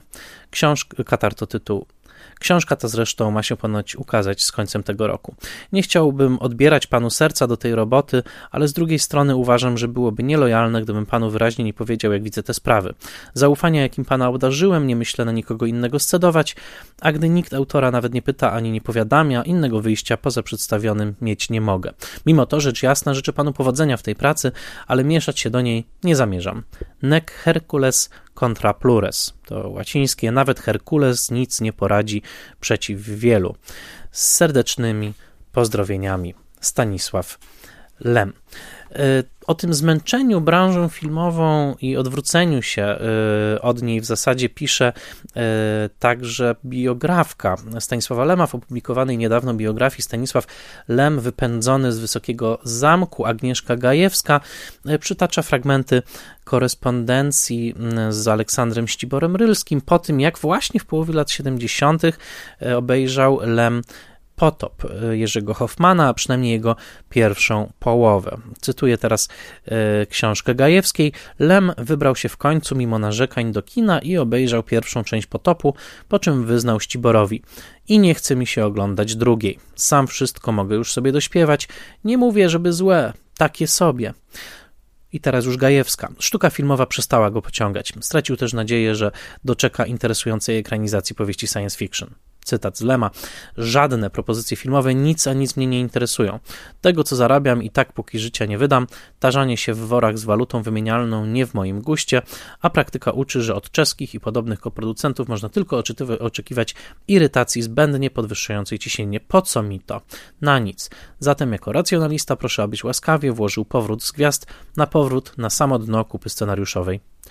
Przygoda z Tarkowskim ostudziła więc jego nadzieje i chęci, choć nie można nie zauważyć, że jego wypowiedzi o filmie współ, współbrzmią z tonem, jakim mówił wtedy o polityce, o środowisku literackim, a nawet o pornografii i kapitalistycznym dobrobycie. Przygoda z Tarkowskim to oczywiście film Solaris z 1972 roku, rok wcześniejszy od śledztwa, który według Lema sprzeniewierzał się idei jego powieści i który wywołał jego ogromną gorycz i irytację. A zatem z jednej strony Tarkowski, z drugiej strony e, polska branża filmowa. Lem nie był w filmowym nastroju pod koniec lat 70., ale list do Piestraka zaświadcza zdecydowanie o jego zaufaniu. Wojciech Orliński w swojej książce, wydaje mi się, mylnie interpretuje relację Lema z Piestrakiem tylko poprzez to, że mm, Piestrak był dla Lema idealnym filmowcem, dlatego że był e, słowny i konkretny w komunikacji. Orliński zupełnie nie odwołuje się do samej materii filmowej i nie pisze o tym, jak dobrym filmem okazał się test pilota Pirksa, nie tylko w oczach Lema, e, tylko w oczach chociażby najważniejszego pisma filmowego na świecie, czyli e, Variety i także w oczach każdego kinomana wyczulonego na materię filmową, po prostu w tym filmie znakomitą od aktorstwa po e, muzykę jednego z najważniejszych dwudziestowiecznych kompozytorów. Test pilota Pirksa e, to film oparty, jako się rzekło, na opowiadaniu Rozprawa z tomu opowieści o pilocie Pirksie, po raz pierwszy wydanego w roku 68 i wznowionego, poszerzonego w roku 73. Pilot Pirks, którego pierwszego imienia nigdy nie poznajemy, pojawiał się w opowiadaniach lemowskich już w latach 50. i w ramach opowiadań zawartych w tomie świadkujemy jego mm, swoistemu wzrostowi od kadeta po komandora. Widzimy jego zdroworozsądkowość, pewną nawet, to kluczowe słowo w te opowiadaniu rozprawa, poczciwość, ludzkość w zderzeniu ze światem maszyn, często myślących maszyn, takich jak androidy właśnie w opowiadaniu rozprawa. Opowiadanie rozprawa y, dotyczy wyprawy kosmicznej na Saturna, której y, celem było umieszczenie satelitów y, pomiarowych w, w tak zwanej szczelinie Cassiniego, to znaczy pomiędzy pierścieniami Saturna. E, w trakcie tej wyprawy załoga była mieszana, to znaczy byli tam ludzie i były tam androidy, konkretnie jeden android produkowany przez prywatną firmę i na zlecenie, uwaga, UNESCO, Pirks ma ocenić zdatność takich androidów do pełnienia ważnych funkcji dotychczas powierzanych wyłącznie ludziom. E, trik polega na tym, że Pirks nie wie, kto w jego załodze jest człowiekiem, a kto androidem, co sprawia, że całość zmienia się w rodzaj pewnej zagadki filozoficznej. E, to znaczy, Pirks stara się rozgryźć, kto kłamie, kto mówi prawdę i kto faktycznie jest androidem, i tak naprawdę, co oznacza być człowiekiem, a co oznacza być jego idealną kopią. Co ciekawe, w opowiadaniu bardzo szybko, bodajże na siódmej stronie, dowiadujemy się, że androidem, e, który w pewnym sensie postanowił zasabotować całą misję, byle tylko udowodnić, że e, człowiek, to znaczy Pirks, w sytuacji e, ogromnego kryzysu okaże się nieefektywny, otóż, że tym androidem był niejaki John Calder. To wiemy w opowiadaniu właściwie od razu. Siódma czy ósma strona. Na opowiadaniu, które sobie liczy tych stron 100. Więc y, jest interesujące, że w przypadku filmu Marka Piestraka i scenariusza tego filmu postawiono na suspens i postawiono na odwrócenie tej proporcji. To znaczy w scenariuszu Marka e, Piestraka e, i mm, przy współpracy scenariuszowej Władimira Wałuckiego jest dokładnie na odwrót. Przez cały film zadajemy sobie tak samo pytanie, jak zadaje je sobie Pirks. Kto tutaj w tej załodze jest e, androidem? I dopiero mm, końcowy kryzys ze słynną, spektakularną sceną, w której Calder grany przez Zbigniew Zbigniewa Lesienia e, z powodu siły grawitacji i tego, że uczepia się w pewnym momencie tłoku na statku kosmicznym, e, odrywa mu dłonie i to jest moment, w którym widzimy stelaż metalowy w jego nadgarstkach, no i oczywiście jest to moment ujawnienia tego, że to właśnie Calder był androidem. E, warto pamiętać, że jak zawsze u Lema no, to opowiadanie ma głębokie mm, przesłanie filozoficzne e, i e, w pewnym sensie można powiedzieć, że lokuje Lem ludzkość, człowieczeństwo właśnie w sferze bezdecyzyjności, właśnie w sferze tego, że człowiek nie zawsze wie, jaką podjąć decyzję, a nawet w sferze tego, co Lem nazywa poczciwością. Przeczytam teraz fragment z końcowych partii tego opowiadania. E, to już jest mówione głosem Pirksa. Opowiadanie jest podzielone na kilka części. To mówione jest głosem Pirksa po tych wszystkich wydarzeniach. To jednak dziwna historia, ponieważ tak dobrze pojmując teraz zachowanie Caldera, jestem nadal bezradny, chcąc wyjaśnić własne. Potrafię logicznie odtworzyć każdy jego Caldera krok, a nie umiem wytłumaczyć własnego milczenia. Powiedzieć, że byłem po prostu niezdecydowany, to minąć się jednak z prawdą. Więc co właściwie zawsze, zaszło? Działała intuicja? Przeczucie? Gdzie tam? Po prostu ta okazja, podsunięta przez awarię, była mi nazbyt podobna do gry znaczonymi kartami, więc brudnej. Nie chciałem takiej gry, ani takiego wspólnika, a Calder stawał się nim z chwilą, gdybym, wydając rozkazy, niejako aprobował powstałą sytuację, to znaczy przyznał się do niej. Innymi słowy, jest to pewna pochwała intuicji w, w, przypadku Lema, albowiem logicznie wszystko się zgadzało, a jednak człowiek często potrafi zrozumieć motywację innych, ale ma bardzo duże problemy ze zrozumieniem samego siebie. I teraz. Człowiek na jego miejscu zrobiłby to niewątpliwie, ale jego plan pierwotny takiej prośby nie przewidywał. Pewno zdawał mu się przez to bardziej czysty, elegancki. Wykonać egzekucję na sobie i towarzyszach miałem sam, bez jednego słowa z jego strony. I teraz kluczowe. Więcej, miałem go zmusić do określonych działań, i to wbrew jego lepszej wiedzy, wbrew woli. Tymczasem milczałem. W ostatecznym rachunku uratowało więc nas, a jego zgubiło. Moje niezdecydowanie, moja ślamazarna poczciwość, ta poczciwość ludzka, którą tak bezgranicznie gardził. I ta poczciwość, ten naddatek bezdecyzyjności jest czymś, co odróżnia maszynę od człowieka. To bardzo piękny e, wniosek w tym, jak zawsze, świetnym lemowskim opowiadaniu. To jest naprawdę wybitna literatura. Mm, tutaj właśnie dramaturgicznie podbita przez Marka Piestraka w scenariuszu, który każe nam przez cały film się zastanawiać, który to właśnie z członków załogi jest e, kim. No a w załodze, poza Siergiejem Dysnickim, wybitnym rosyjskim aktorem jako Pirksem jest właśnie Zbigniew Lesień, e, który gra Caldera, ale także chcę wyróżnić tutaj Aleksandra Kajdanowskiego, który znakomicie e, wciela się w e, Toma Nowaka, ale przecież już rok później cały świat będzie go podziwiał jako ni mniej, ni więcej tylko Stalkera, głównego tytułowego bohatera filmu Andrzeja Tarkowskiego wedle braci Strugackich, a zatem tutaj także pewne połączenie z klasyką światowego, e, światowego science fiction. E, a zatem e, po tym wstępie i po zapowiedzi tego, że zaczynamy właśnie mówić o Pirksie, oddajmy już głos panu Markowi Piestrakowi i w takim razie posłuchajmy, jak wyglądał okres przygotowawczy do testu pilota Pirksa. Najpierw to były w ogóle rozmowy mm, z, z, i z panami i z Ciborem Rylskim, y, i z panem Konwickim, co by można było zrobić i, i jak ugryźć dalej tego lema.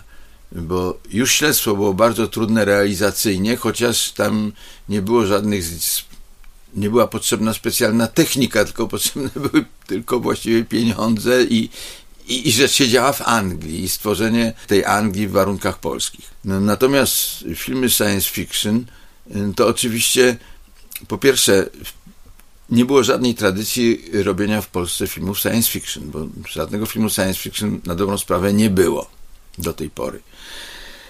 I zdawaliśmy sobie sprawę, że y, no, nie ugryziemy technicznie tego pomysłu sami, ponieważ nie ma, właściwie nie ma żadnego porządnego działu technik specjalnych w Polsce. To znaczy był operator zdjęć specjalnych, uroczy pan, ale on był, nie wiem, sam może miał jednego współpracownika i wszystko sam skonstruował, to lustro Szuftana czy coś, można było y, zrobić jakieś proste, rzeczywiście on robił y, y, lecące samoloty chyba w tym w żołnierzu zwycięstwa. Tam robił mm, jeszcze jakieś wybuchy mógł robić, mógł, mógł robić jeszcze jakby przeniesienie mm,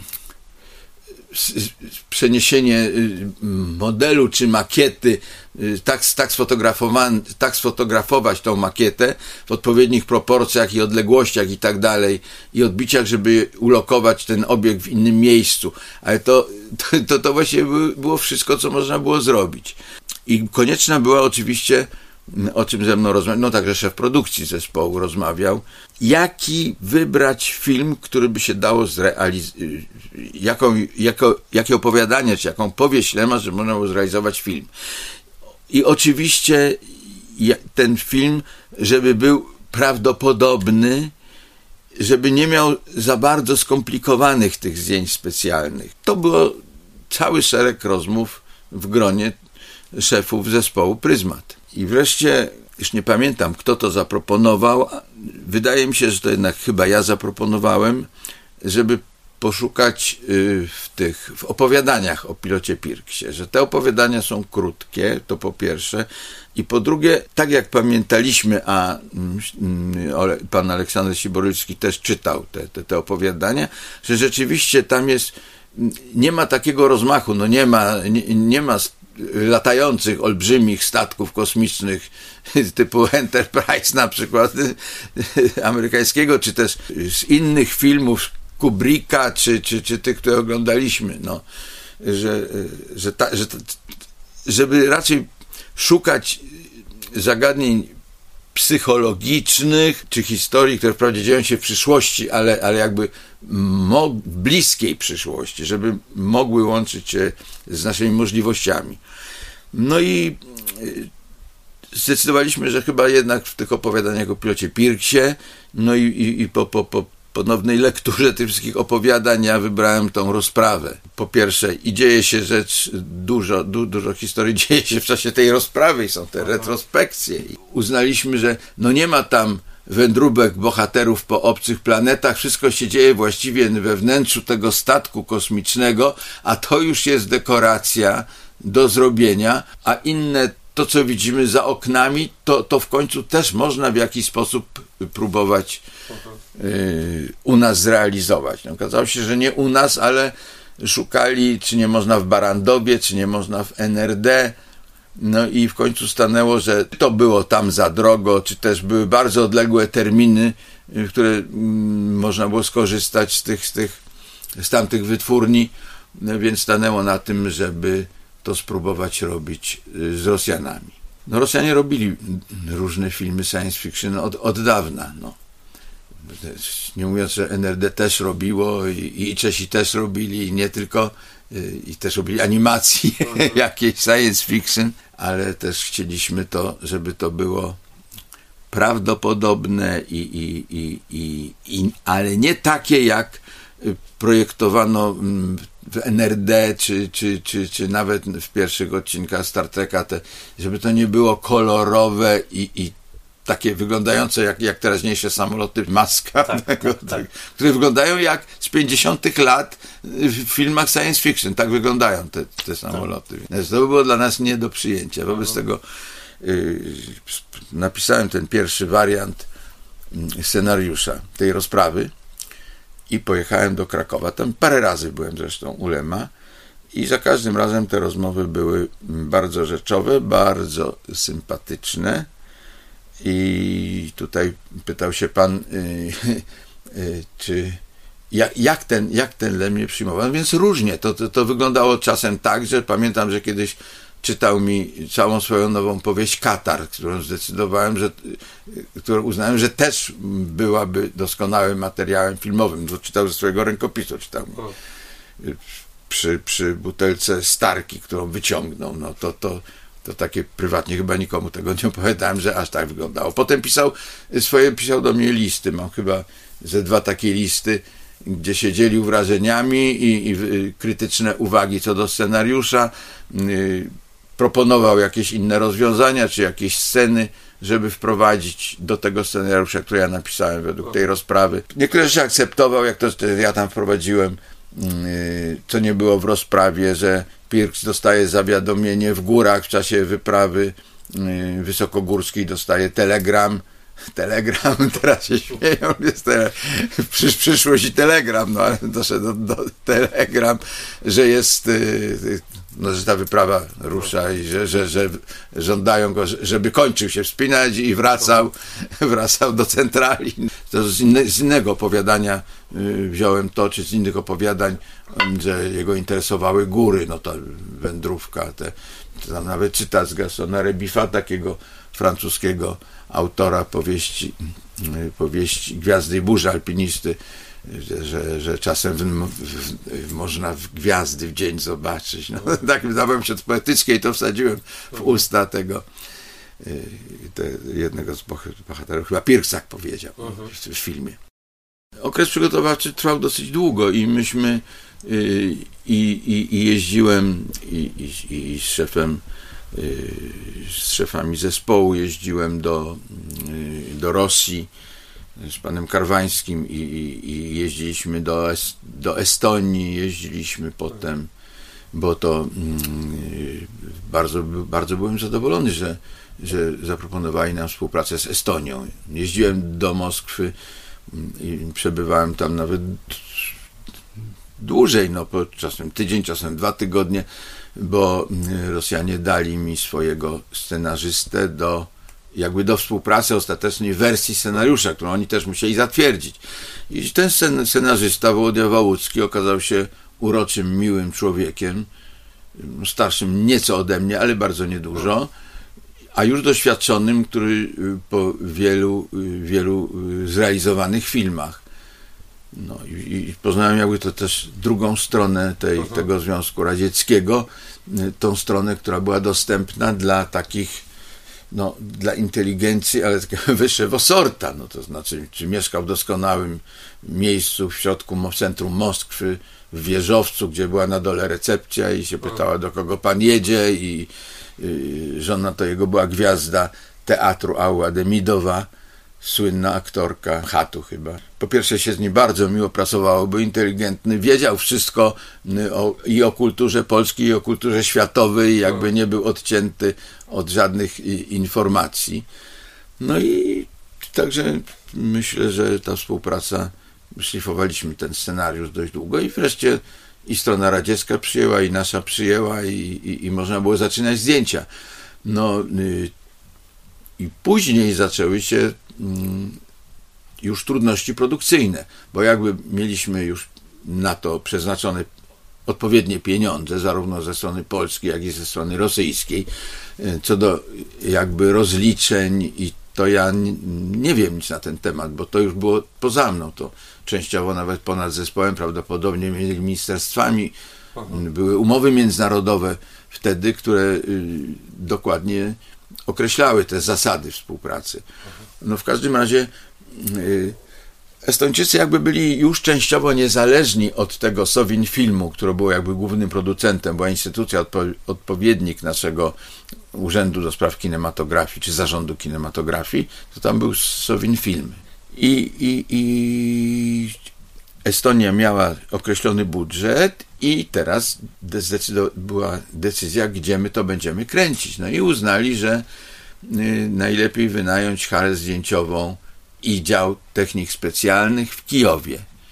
No i tam mm, to wytwórni Dowrzynki słynna wytwórnia była znana z historii kinematografii. Dla nas, nie wiem czy dla obecnego pokolenia, ale dla nas to coś mówi to nazwisko i Dobrzenki i, i, i to studio.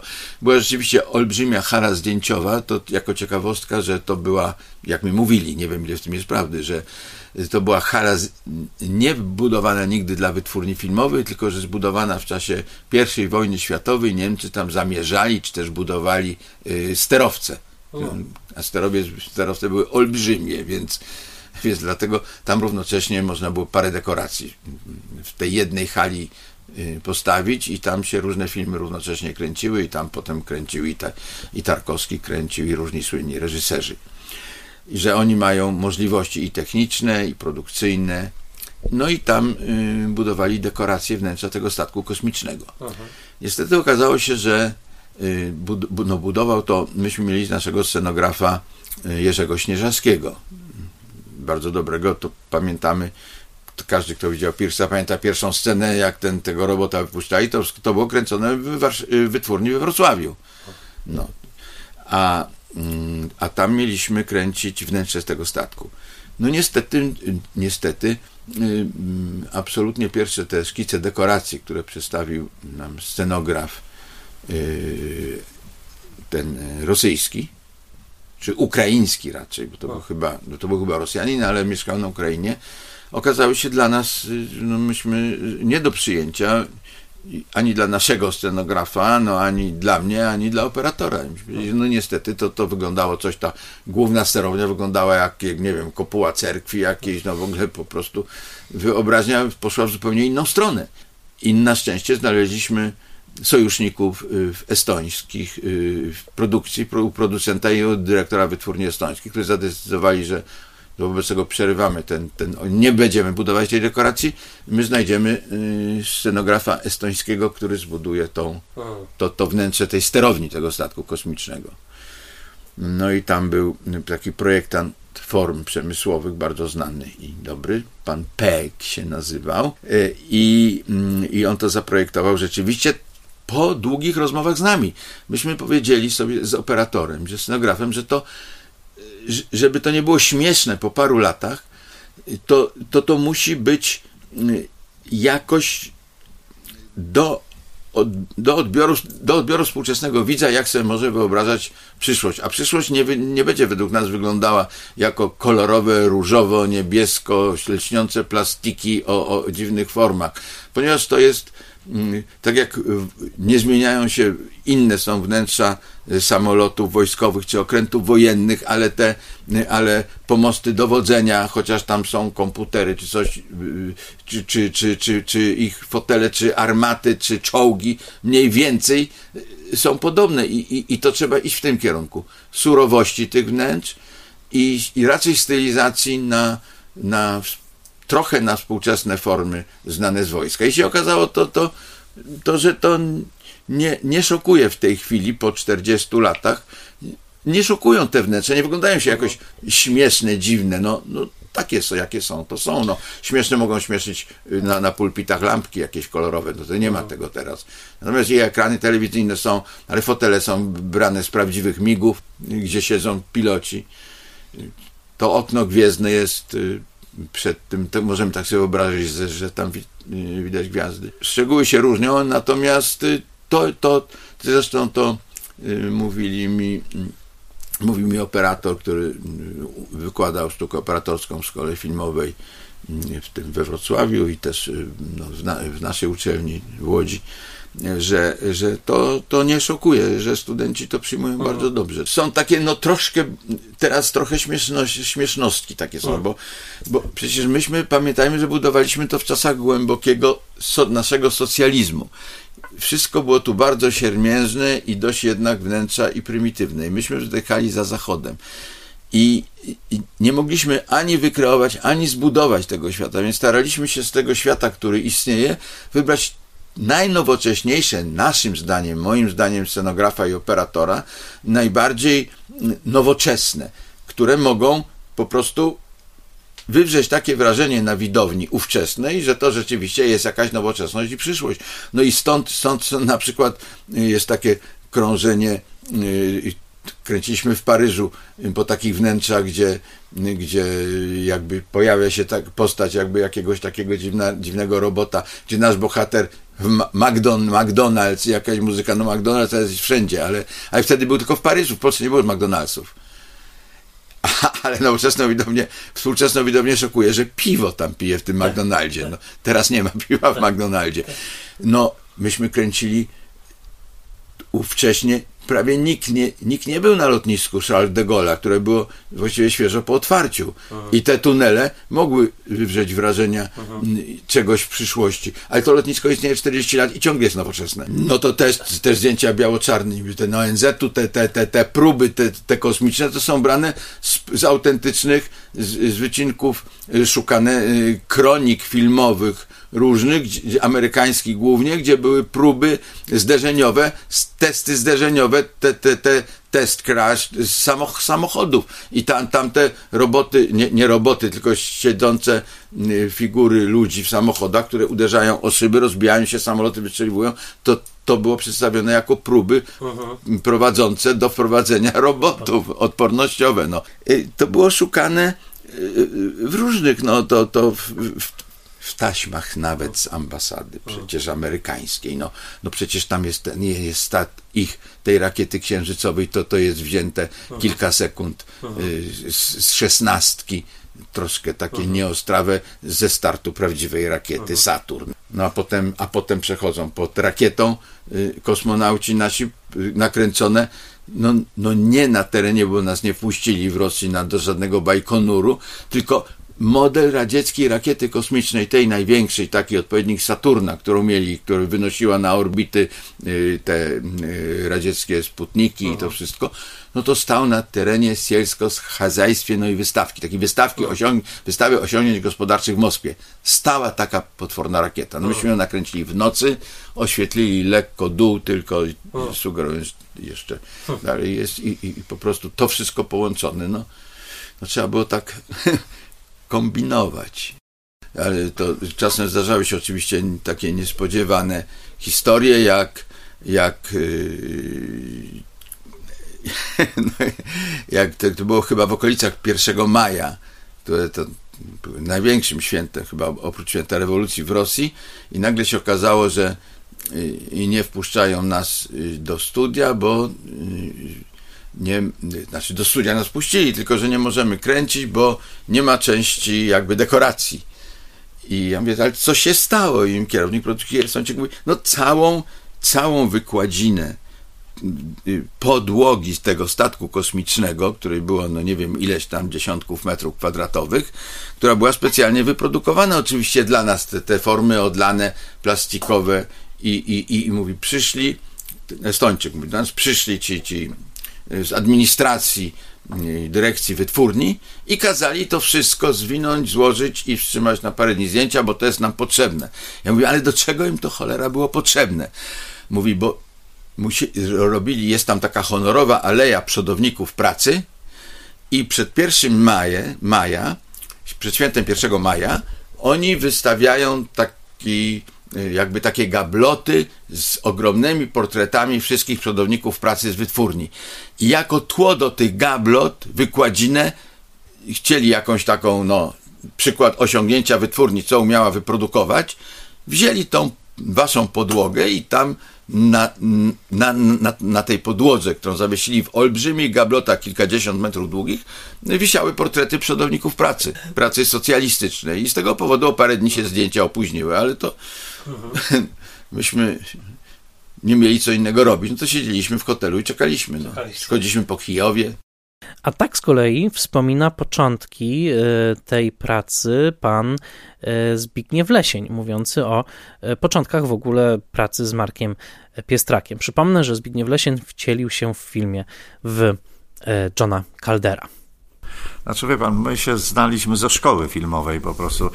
Marek kończył reżyserię, ja aktorski i y, zajęcia zawsze były z reżyserami sceny, y, z aktorami i tam z, y, z Markiem zacząłem pierwszy raz pracować. W ogóle jakieś przedstawienia robiliśmy takie szkolne, wewnętrzne i tam poznaliśmy się.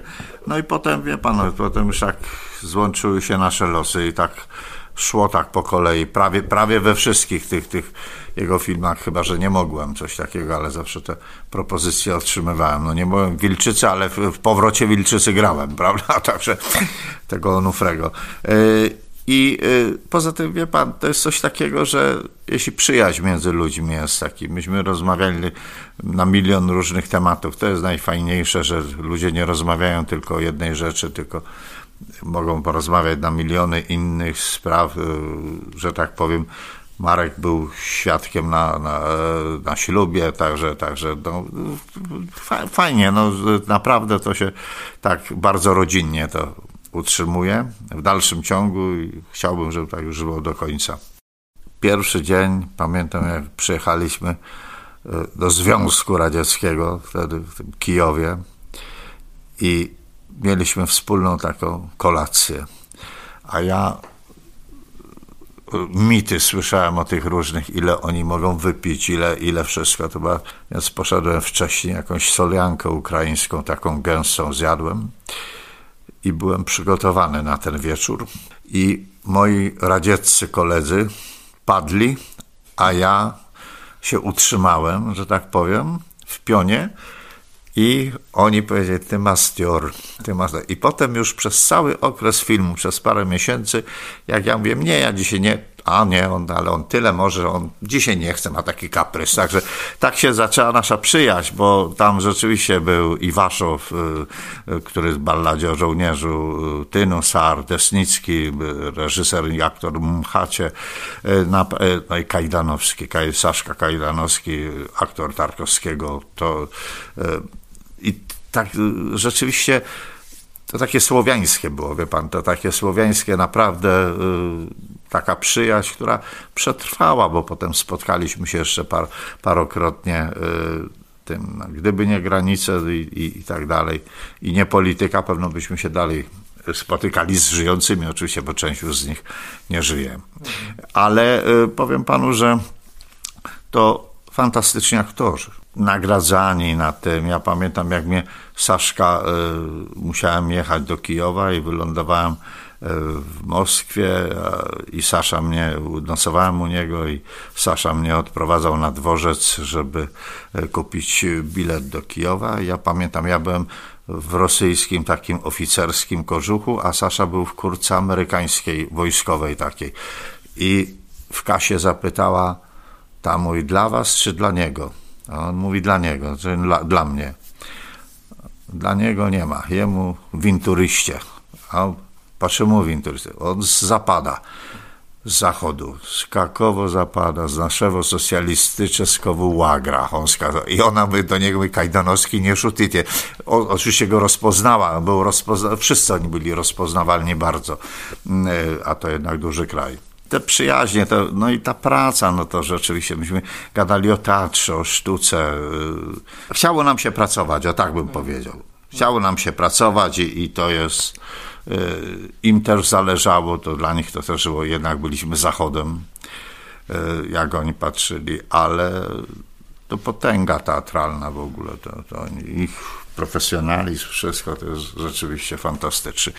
Jak już wspomniałem, najważniejszym twistem fabularnym w teście pilota Pirksa i takim, którego nie było w opowiadaniu Lema, jest to, że przez cały film nie wiemy, że to Calder jest androidem. O roli tego twistu, o roli tego zaskoczenia opowiada Zbigniew Lesień staraliśmy się tego robić, żeby nie ujawniać, bo to wie pan, jeśli zaczniemy nagle, że on inaczej je albo coś takiego, no to widz się momentalnie zorientuje. Nam chodziło jednak, żeby utrzymać ten taki, ten kryminał jakiś po prostu e, jak najdłużej, ile, ile się e, da to nierozpoznawalne, kiedy jest ta pierwsza scena, kiedy go ożywiają, znaczy ożywiają w cudzysłowie, prawda, kiedy, ale do końca, ja pamiętam y, też fantastyczne, bo śmieszne, bo to ja już teraz anegdoty pamiętam z tego, y, były odlewy moich rąk y, na tym. Maniek Gańcza, y, kaskader, y, za mnie y, takie odlewy, tam jest kurtka moja, i on trzymał to w rękach swojej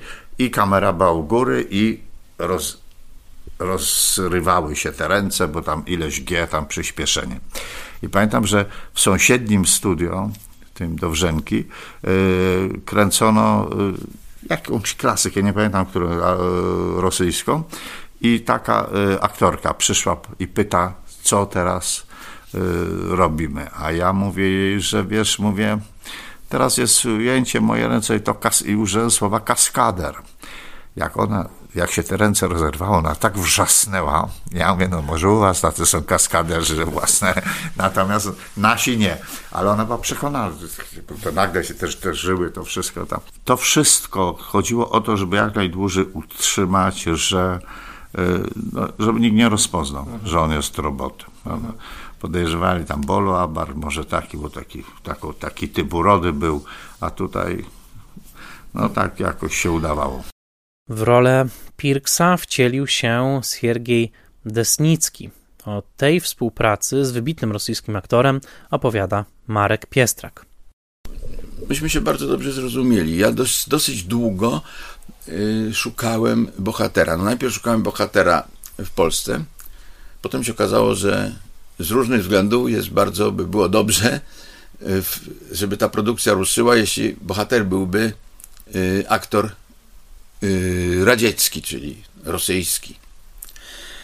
I robiłem, y, znaczy zdjęcia próbne, ja nie robiłem zdjęć próbnych, już tylko mi asystenci estońscy, Airi Kassera i, i, i jeszcze inni, mm, robili w Estonii, zapraszali aktorów różnych, ówcześnie najlepszych aktorów y, albo tych, których, do których oni mogli dotrzeć, to, to, to trzeba wziąć pod uwagę, że jeszcze mogli być jacyś inni, nie, nie odkryci, którzy być może by byli lepsi.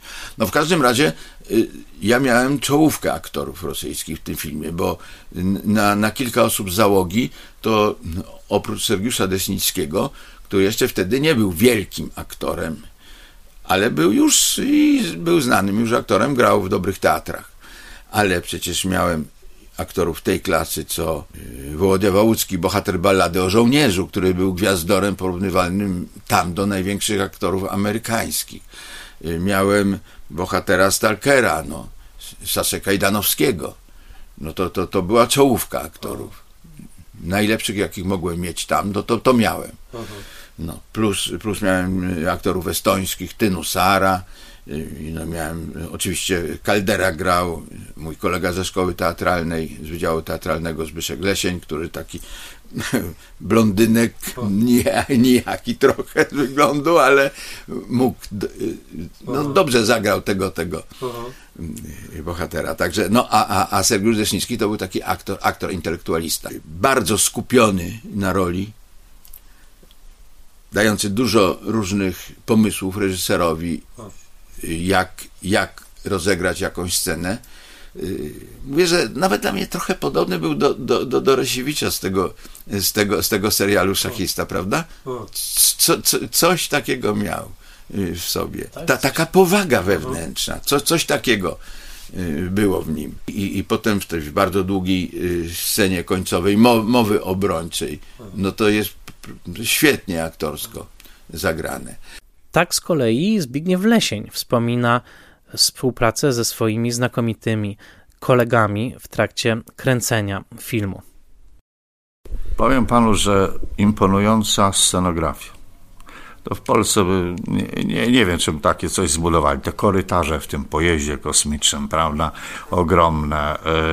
Ten infraekran, który w ogóle w Polsce był nie, nie, niespotykany wtedy, oni mieli ogromne to studio i naprawdę powiem panu, że to robiło wrażenie duże. To robiło duże. Poza tym gdzieś tam mieliśmy jakiś tam sprzęt taki, który do filmowania, który jeszcze wtedy w Polsce nie był, ale to, to nawet ta przestrzeń, u nas by to było ciasne wszystko, gdzieś tak jak na łodzi podwodnej, a tam te korytarze, jak tam biegliśmy, coś, no coś fantastycznego. I cała ta, cały ta, cała ta kabina tego, tego pojazdu, ogromna, na tym, z tym infraekranem, te fotele, to wszystko, rewelacyjne, to, to scenografia była fantastyczna. Ta rzeczywistość, która była za oknem, no jednak ona wchodziła do nas, bo to y, pamiętam, że przyjechał Gierek chyba do, do Breżniewa wtedy i pokazywali, ten, i oni siedzieli u mnie, taki apartament miał, siedzieli u mnie ci, ci aktorzy rosyjscy, gdzieś tam się gadaliśmy o tym i patrzą na niego, a tam kukiełka wyszła, ledwo, ledwo chodzący. Ja mówię, przecież on już, mówię, za chwilę wam umrze na ten. A Wołodia Iwaszow pokazuje mi na okno, a tam ogromny portret, taki na, na dziesięciopiętrowej kamienicy Breżniewa. On mówi, pasmatry Zbigniew, a tu jak maładziec. Na, na ten. Wie pan, o ich stosunek do tej władzy był taki sam jak nasz tym się nie różniliśmy niczym. Na ten. E, pan, myślę, że każdy, e, każdy normalnie myślący człowiek do złej władzy ma taki stosunek. Także tutaj nie, nie było, tak samo tutaj nie było żadnych różnic między nami. To teraz, powiem panu, na planie się spotyka, że e, jest podział szalony taki, że gdzieś tam robimy coś i ja nie gadajmy o polityce, bo nie ma, nie ma o czym gadać po prostu. Róbmy swoje, jesteśmy przygotowani, ciach, ciach. Ja też przecież reżyseruję, także mam do czynienia z kolegami z różnych opcji, że tak powiem, światopoglądowych. Absolutnie zawodowo jesteś obsadzony przeze mnie, ma być fantastycznie. Tematy te mnie nie interesują po prostu. I to a tam było, tam wszyscy mówili, ten socjalistyczny łagier, jak to powiedział e, Saszka wtedy na tym. I to, i to oni tak, taki sam mieli stosunek do tej władzy. Oni opowiadali nam żarty o, o tych czlenowozach, jak to, jak to, co to samochody, które to woziły tam na Moskwary ich na to, że mówi, że szedł jakiś tam y, z tortem, y, puścił y, jakiś, bo przyjeżdżał na sygnale, rzucił się jakiś policjant i mnie tak rzucił się porucznikiem, stał majorem. No i wie pan, tego typu, takie były rozmowy. Także jasne, jasne. Bardzo, bardzo y, oni są szalenie jacyś, ja mówię o tym środowisku, które ja spotykałem, bo przecież nie znam tam, ale oni są szalenie y, nastawieni normalnie, wychowani na wspaniałej literaturze, naprawdę oglądali i filmy, i, i, i wszystko inne. Nigdy nie, nie to, że a to tam jak to nieraz jakby, a to tam Rusy czy coś. Wspaniali, mądrzy aktorzy, fantastyczni.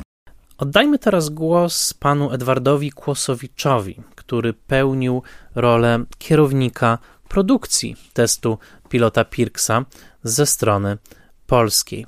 Od strony estońskiej tym kierownikiem był Karl Lewol. Pan Edward Kłosowicz tak oto wspomina współpracę z Markiem Piestrakiem. Współpraca moja z Markiem Piestrakiem zaczęła się przy filmie takim półgodzinnym. Wtedy Piestrak był drugim kierownikiem, pro, y, y, drugim reżyserem, bo ja byłem drugim kierownikiem produkcji Zaorskiego Janusza. O, ja, to był debiut Zaorskiego Janusza i wtedy żeśmy się umówili, że, y, no, no, że chętnie zrobimy wspólnie film, jak on zadebiutuje i ja też.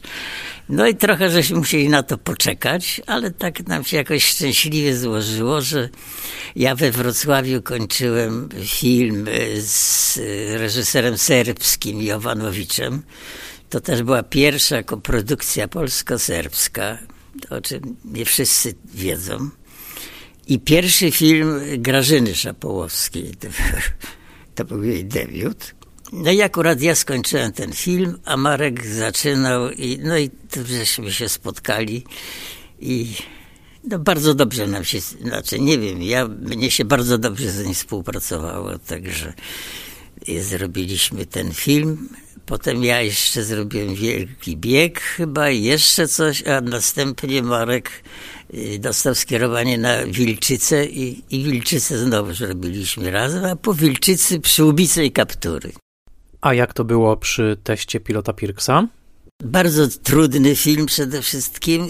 No, pierwsza koprodukcja z Estonią.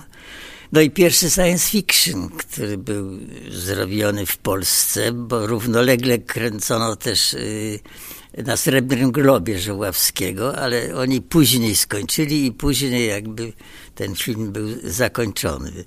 No, dla mnie to było trudne, bo jeszcze nie, nie, nie znam rosyjskiego, a, a ten producent, kierownik produkcji ze Estonii też znał nie bardzo, więc kłopotów tam było no, no dużo. Krótko mówiąc, no ja musiałem w tej w Moskwie, oczywiście nie sam, bo tam pomagała mi taka asystentka z tego filmu, ale musiałem załatwiać paszport dla Desnickiego.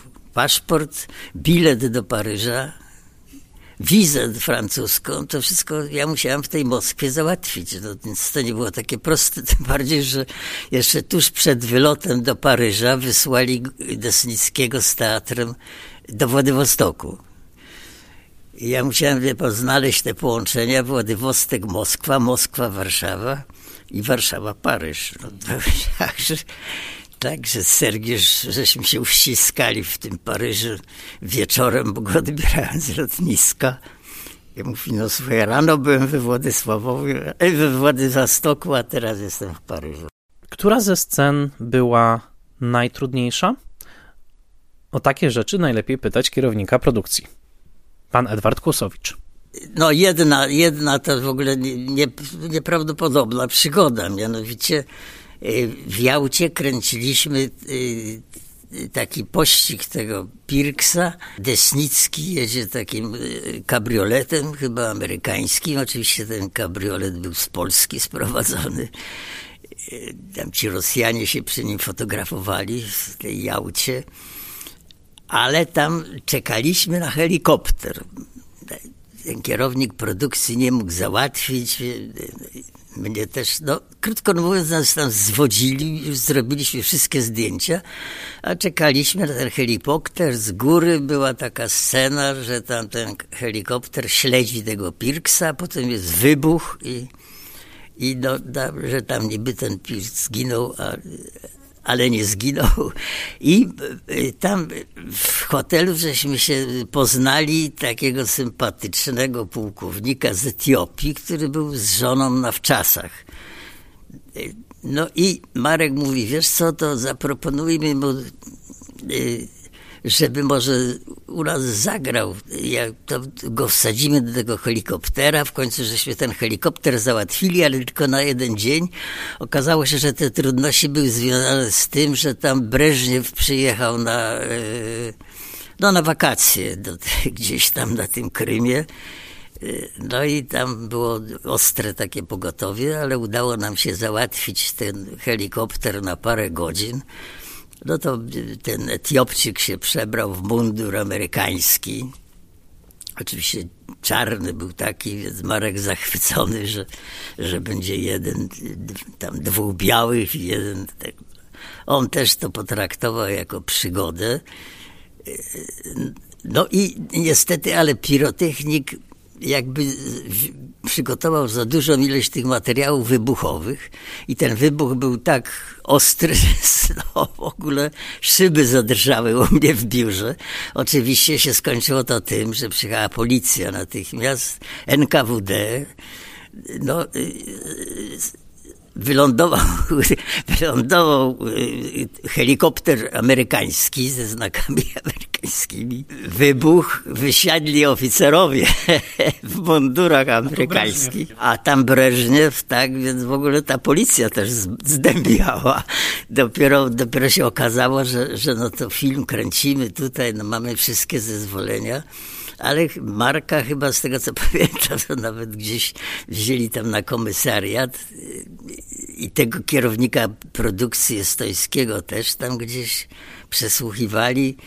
Mnie na szczęście nie. No także to była taka przygoda zupełnie nie, no, niespodziewana i, i no, no, też i kłopotliwa, no bo przecież nie wiedziałem jak to się skończy. No, to tak.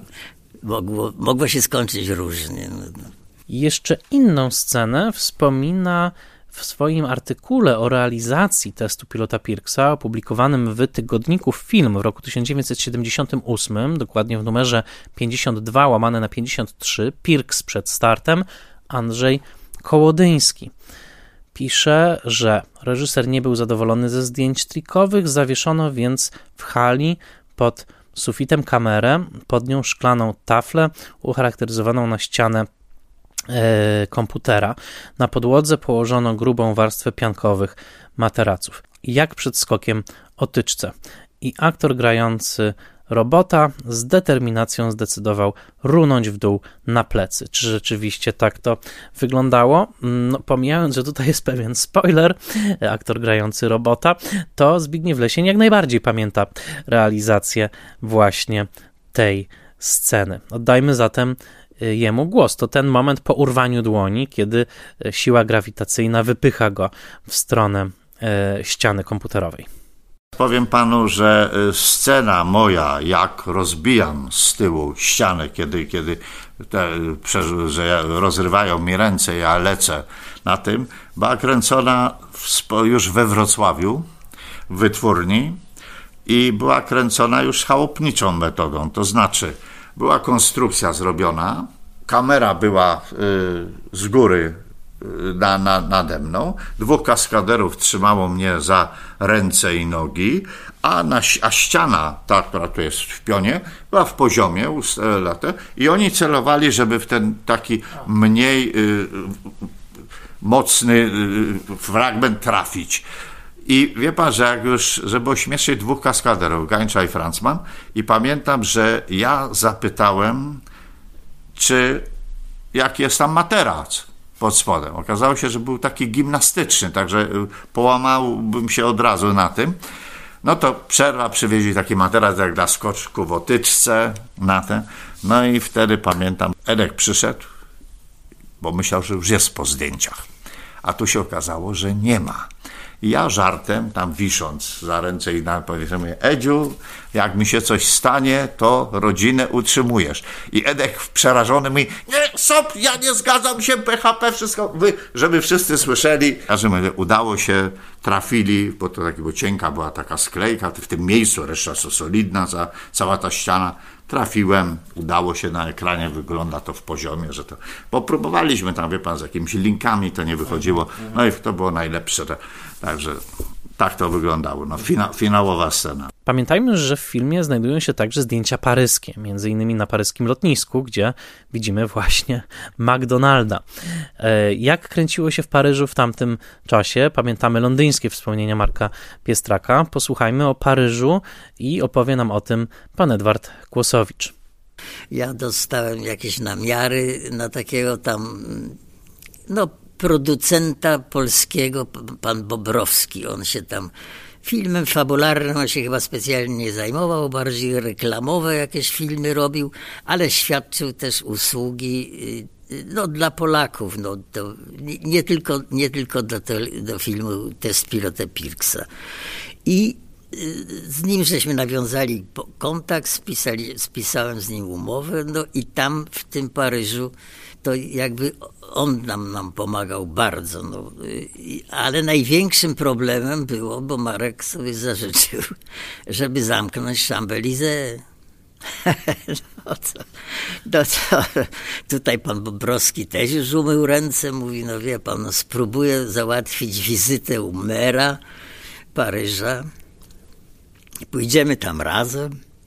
No bo okazało się, że tam mer Paryża darzy sympatią Polaków, bo nie wiem, tam żona chyba miała jakieś tam pokrewieństwo, coś tam, także poszedłem z tym Bobrowskim, no i jakoś nam się udało go przekonać, że y, umożliwił nam te zdjęcia, ale tylko na dwie godziny i o świcie.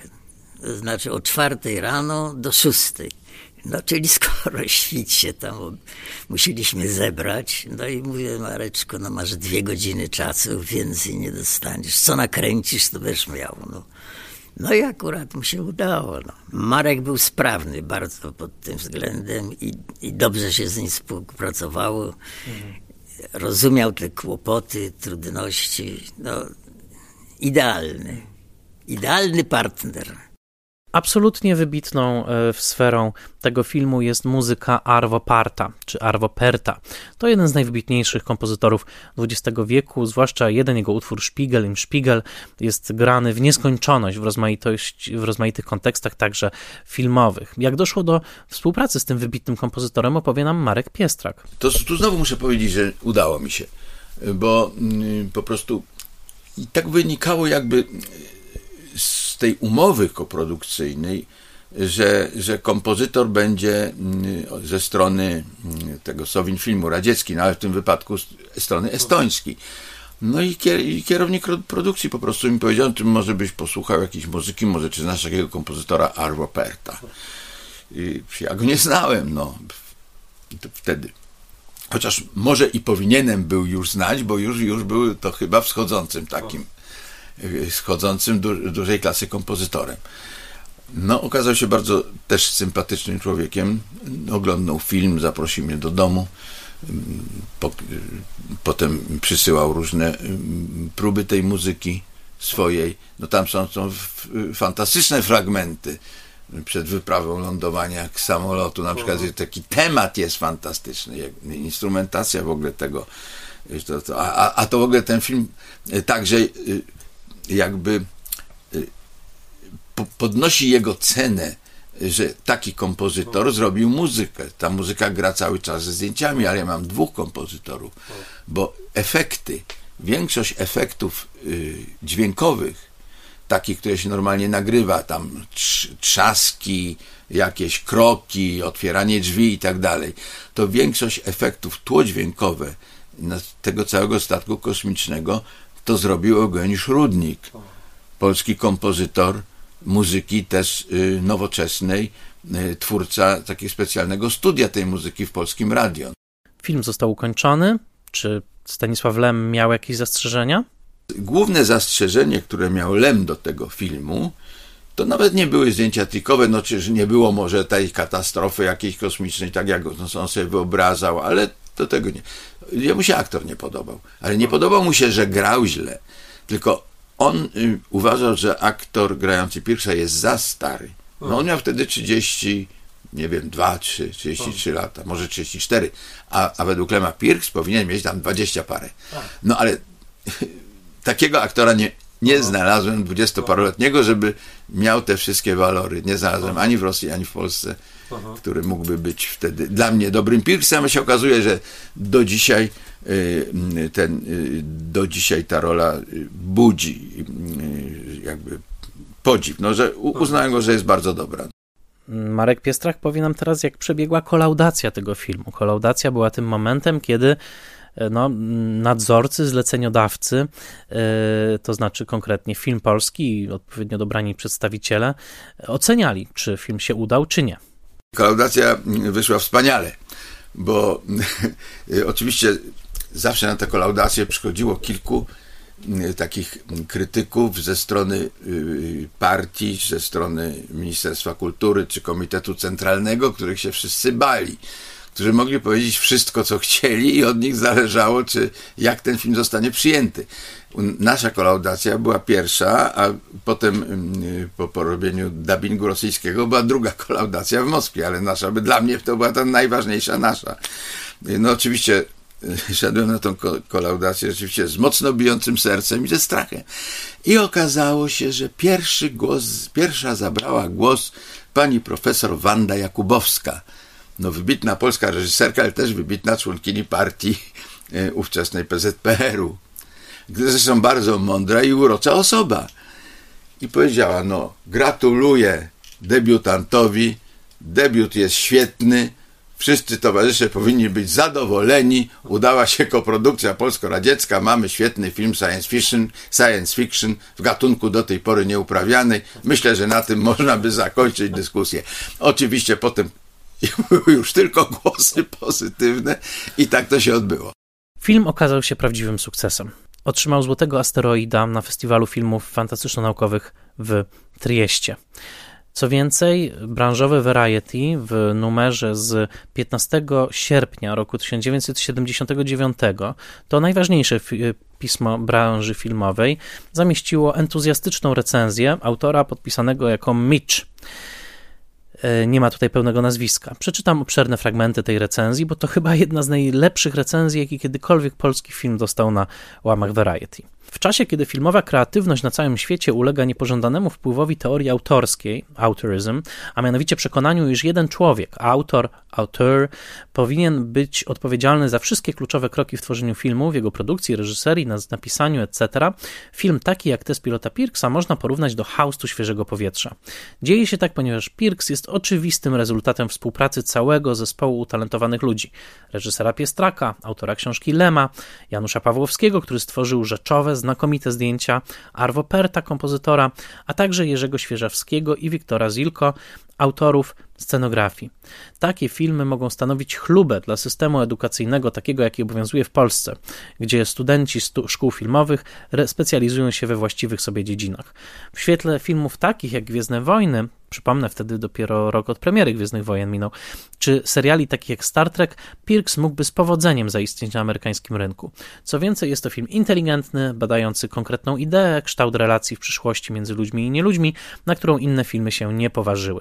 Jest to także film przepięknie zrealizowany, także niezależnie od tego, czy akcja toczy się na Ziemi, czy w kosmosie, na statku lecącym na Saturna, udane efekty specjalne zrealizowane w Związku Radzieckim wobec braku odpowiednich warunków w Polsce, widz w żadnym momencie nie czuje się jakby był poza właśnie tym miejscem, w którym ma się dziać akcja filmu. No pochwała od Variety to naprawdę pochwała fachowców, a zatem e, warto pamiętać, że mamy film, który absolutnie nieprzypadkowo, bo właśnie dzięki temu, jak znakomitym był reżyserem Marek Piestak, jak wspaniale zorkiestrował całą ekipę, którą tutaj pracowicie wylicza autor nazwany Mitch, e, dzięki temu powstał film naprawdę e, wyjątkowy i zwłaszcza te partie na pokładzie statku Goliat, cała druga połowa, wydaje mi się, że to są po prostu jedne z lepszych fragmentów mm, w całym polskim w całym polskim kinie. To filozoficzne dochodzenie Pirksa właśnie w to, kto jest, a kto nie jest e, e, robotem. E, interesującą i zabawną notkę odnajdujemy także w Trybunie Ludu. W tym piśmie napisano, że E, pewna nauczycielka zabrała, nieświadoma tego, że film Pirks podejmuje dorosłą tematykę filozoficzną, zabrała grupę małych dzieci na pokaz Pirksa w Warszawie. Co ciekawe, że o takich rzeczach faktycznie się wtedy e, pisało. E, artykuł o tym nawet persona Pirksa O tym nawet personel pilota Pirksa nie wiedział. Bądźcie dzieci grzeczne, pani do Was wróci o godzinie 12 i w nagrodę za dobre sprawowanie pójdziemy na lody, powiedziała pani wychowawczyni ze szkoły zbiorowej numer 1 w Ożarowie i, w Ożarowie i zostawiła uczniów pierwszej C w kinie przyjaźń na pierwszym seansie filmu pod tytułem Test pilota Pirksa. Dzieci były grzeczne, nie zostały same, bo nadal opiekowało się nimi kilkoro rodziców wytypowanych e, do tego e, celu i e, później, tutaj skracam, siedmioletnie dzieci wynudziły się na teście, skoro rzecz dla dwunastolatków jest przeznaczona.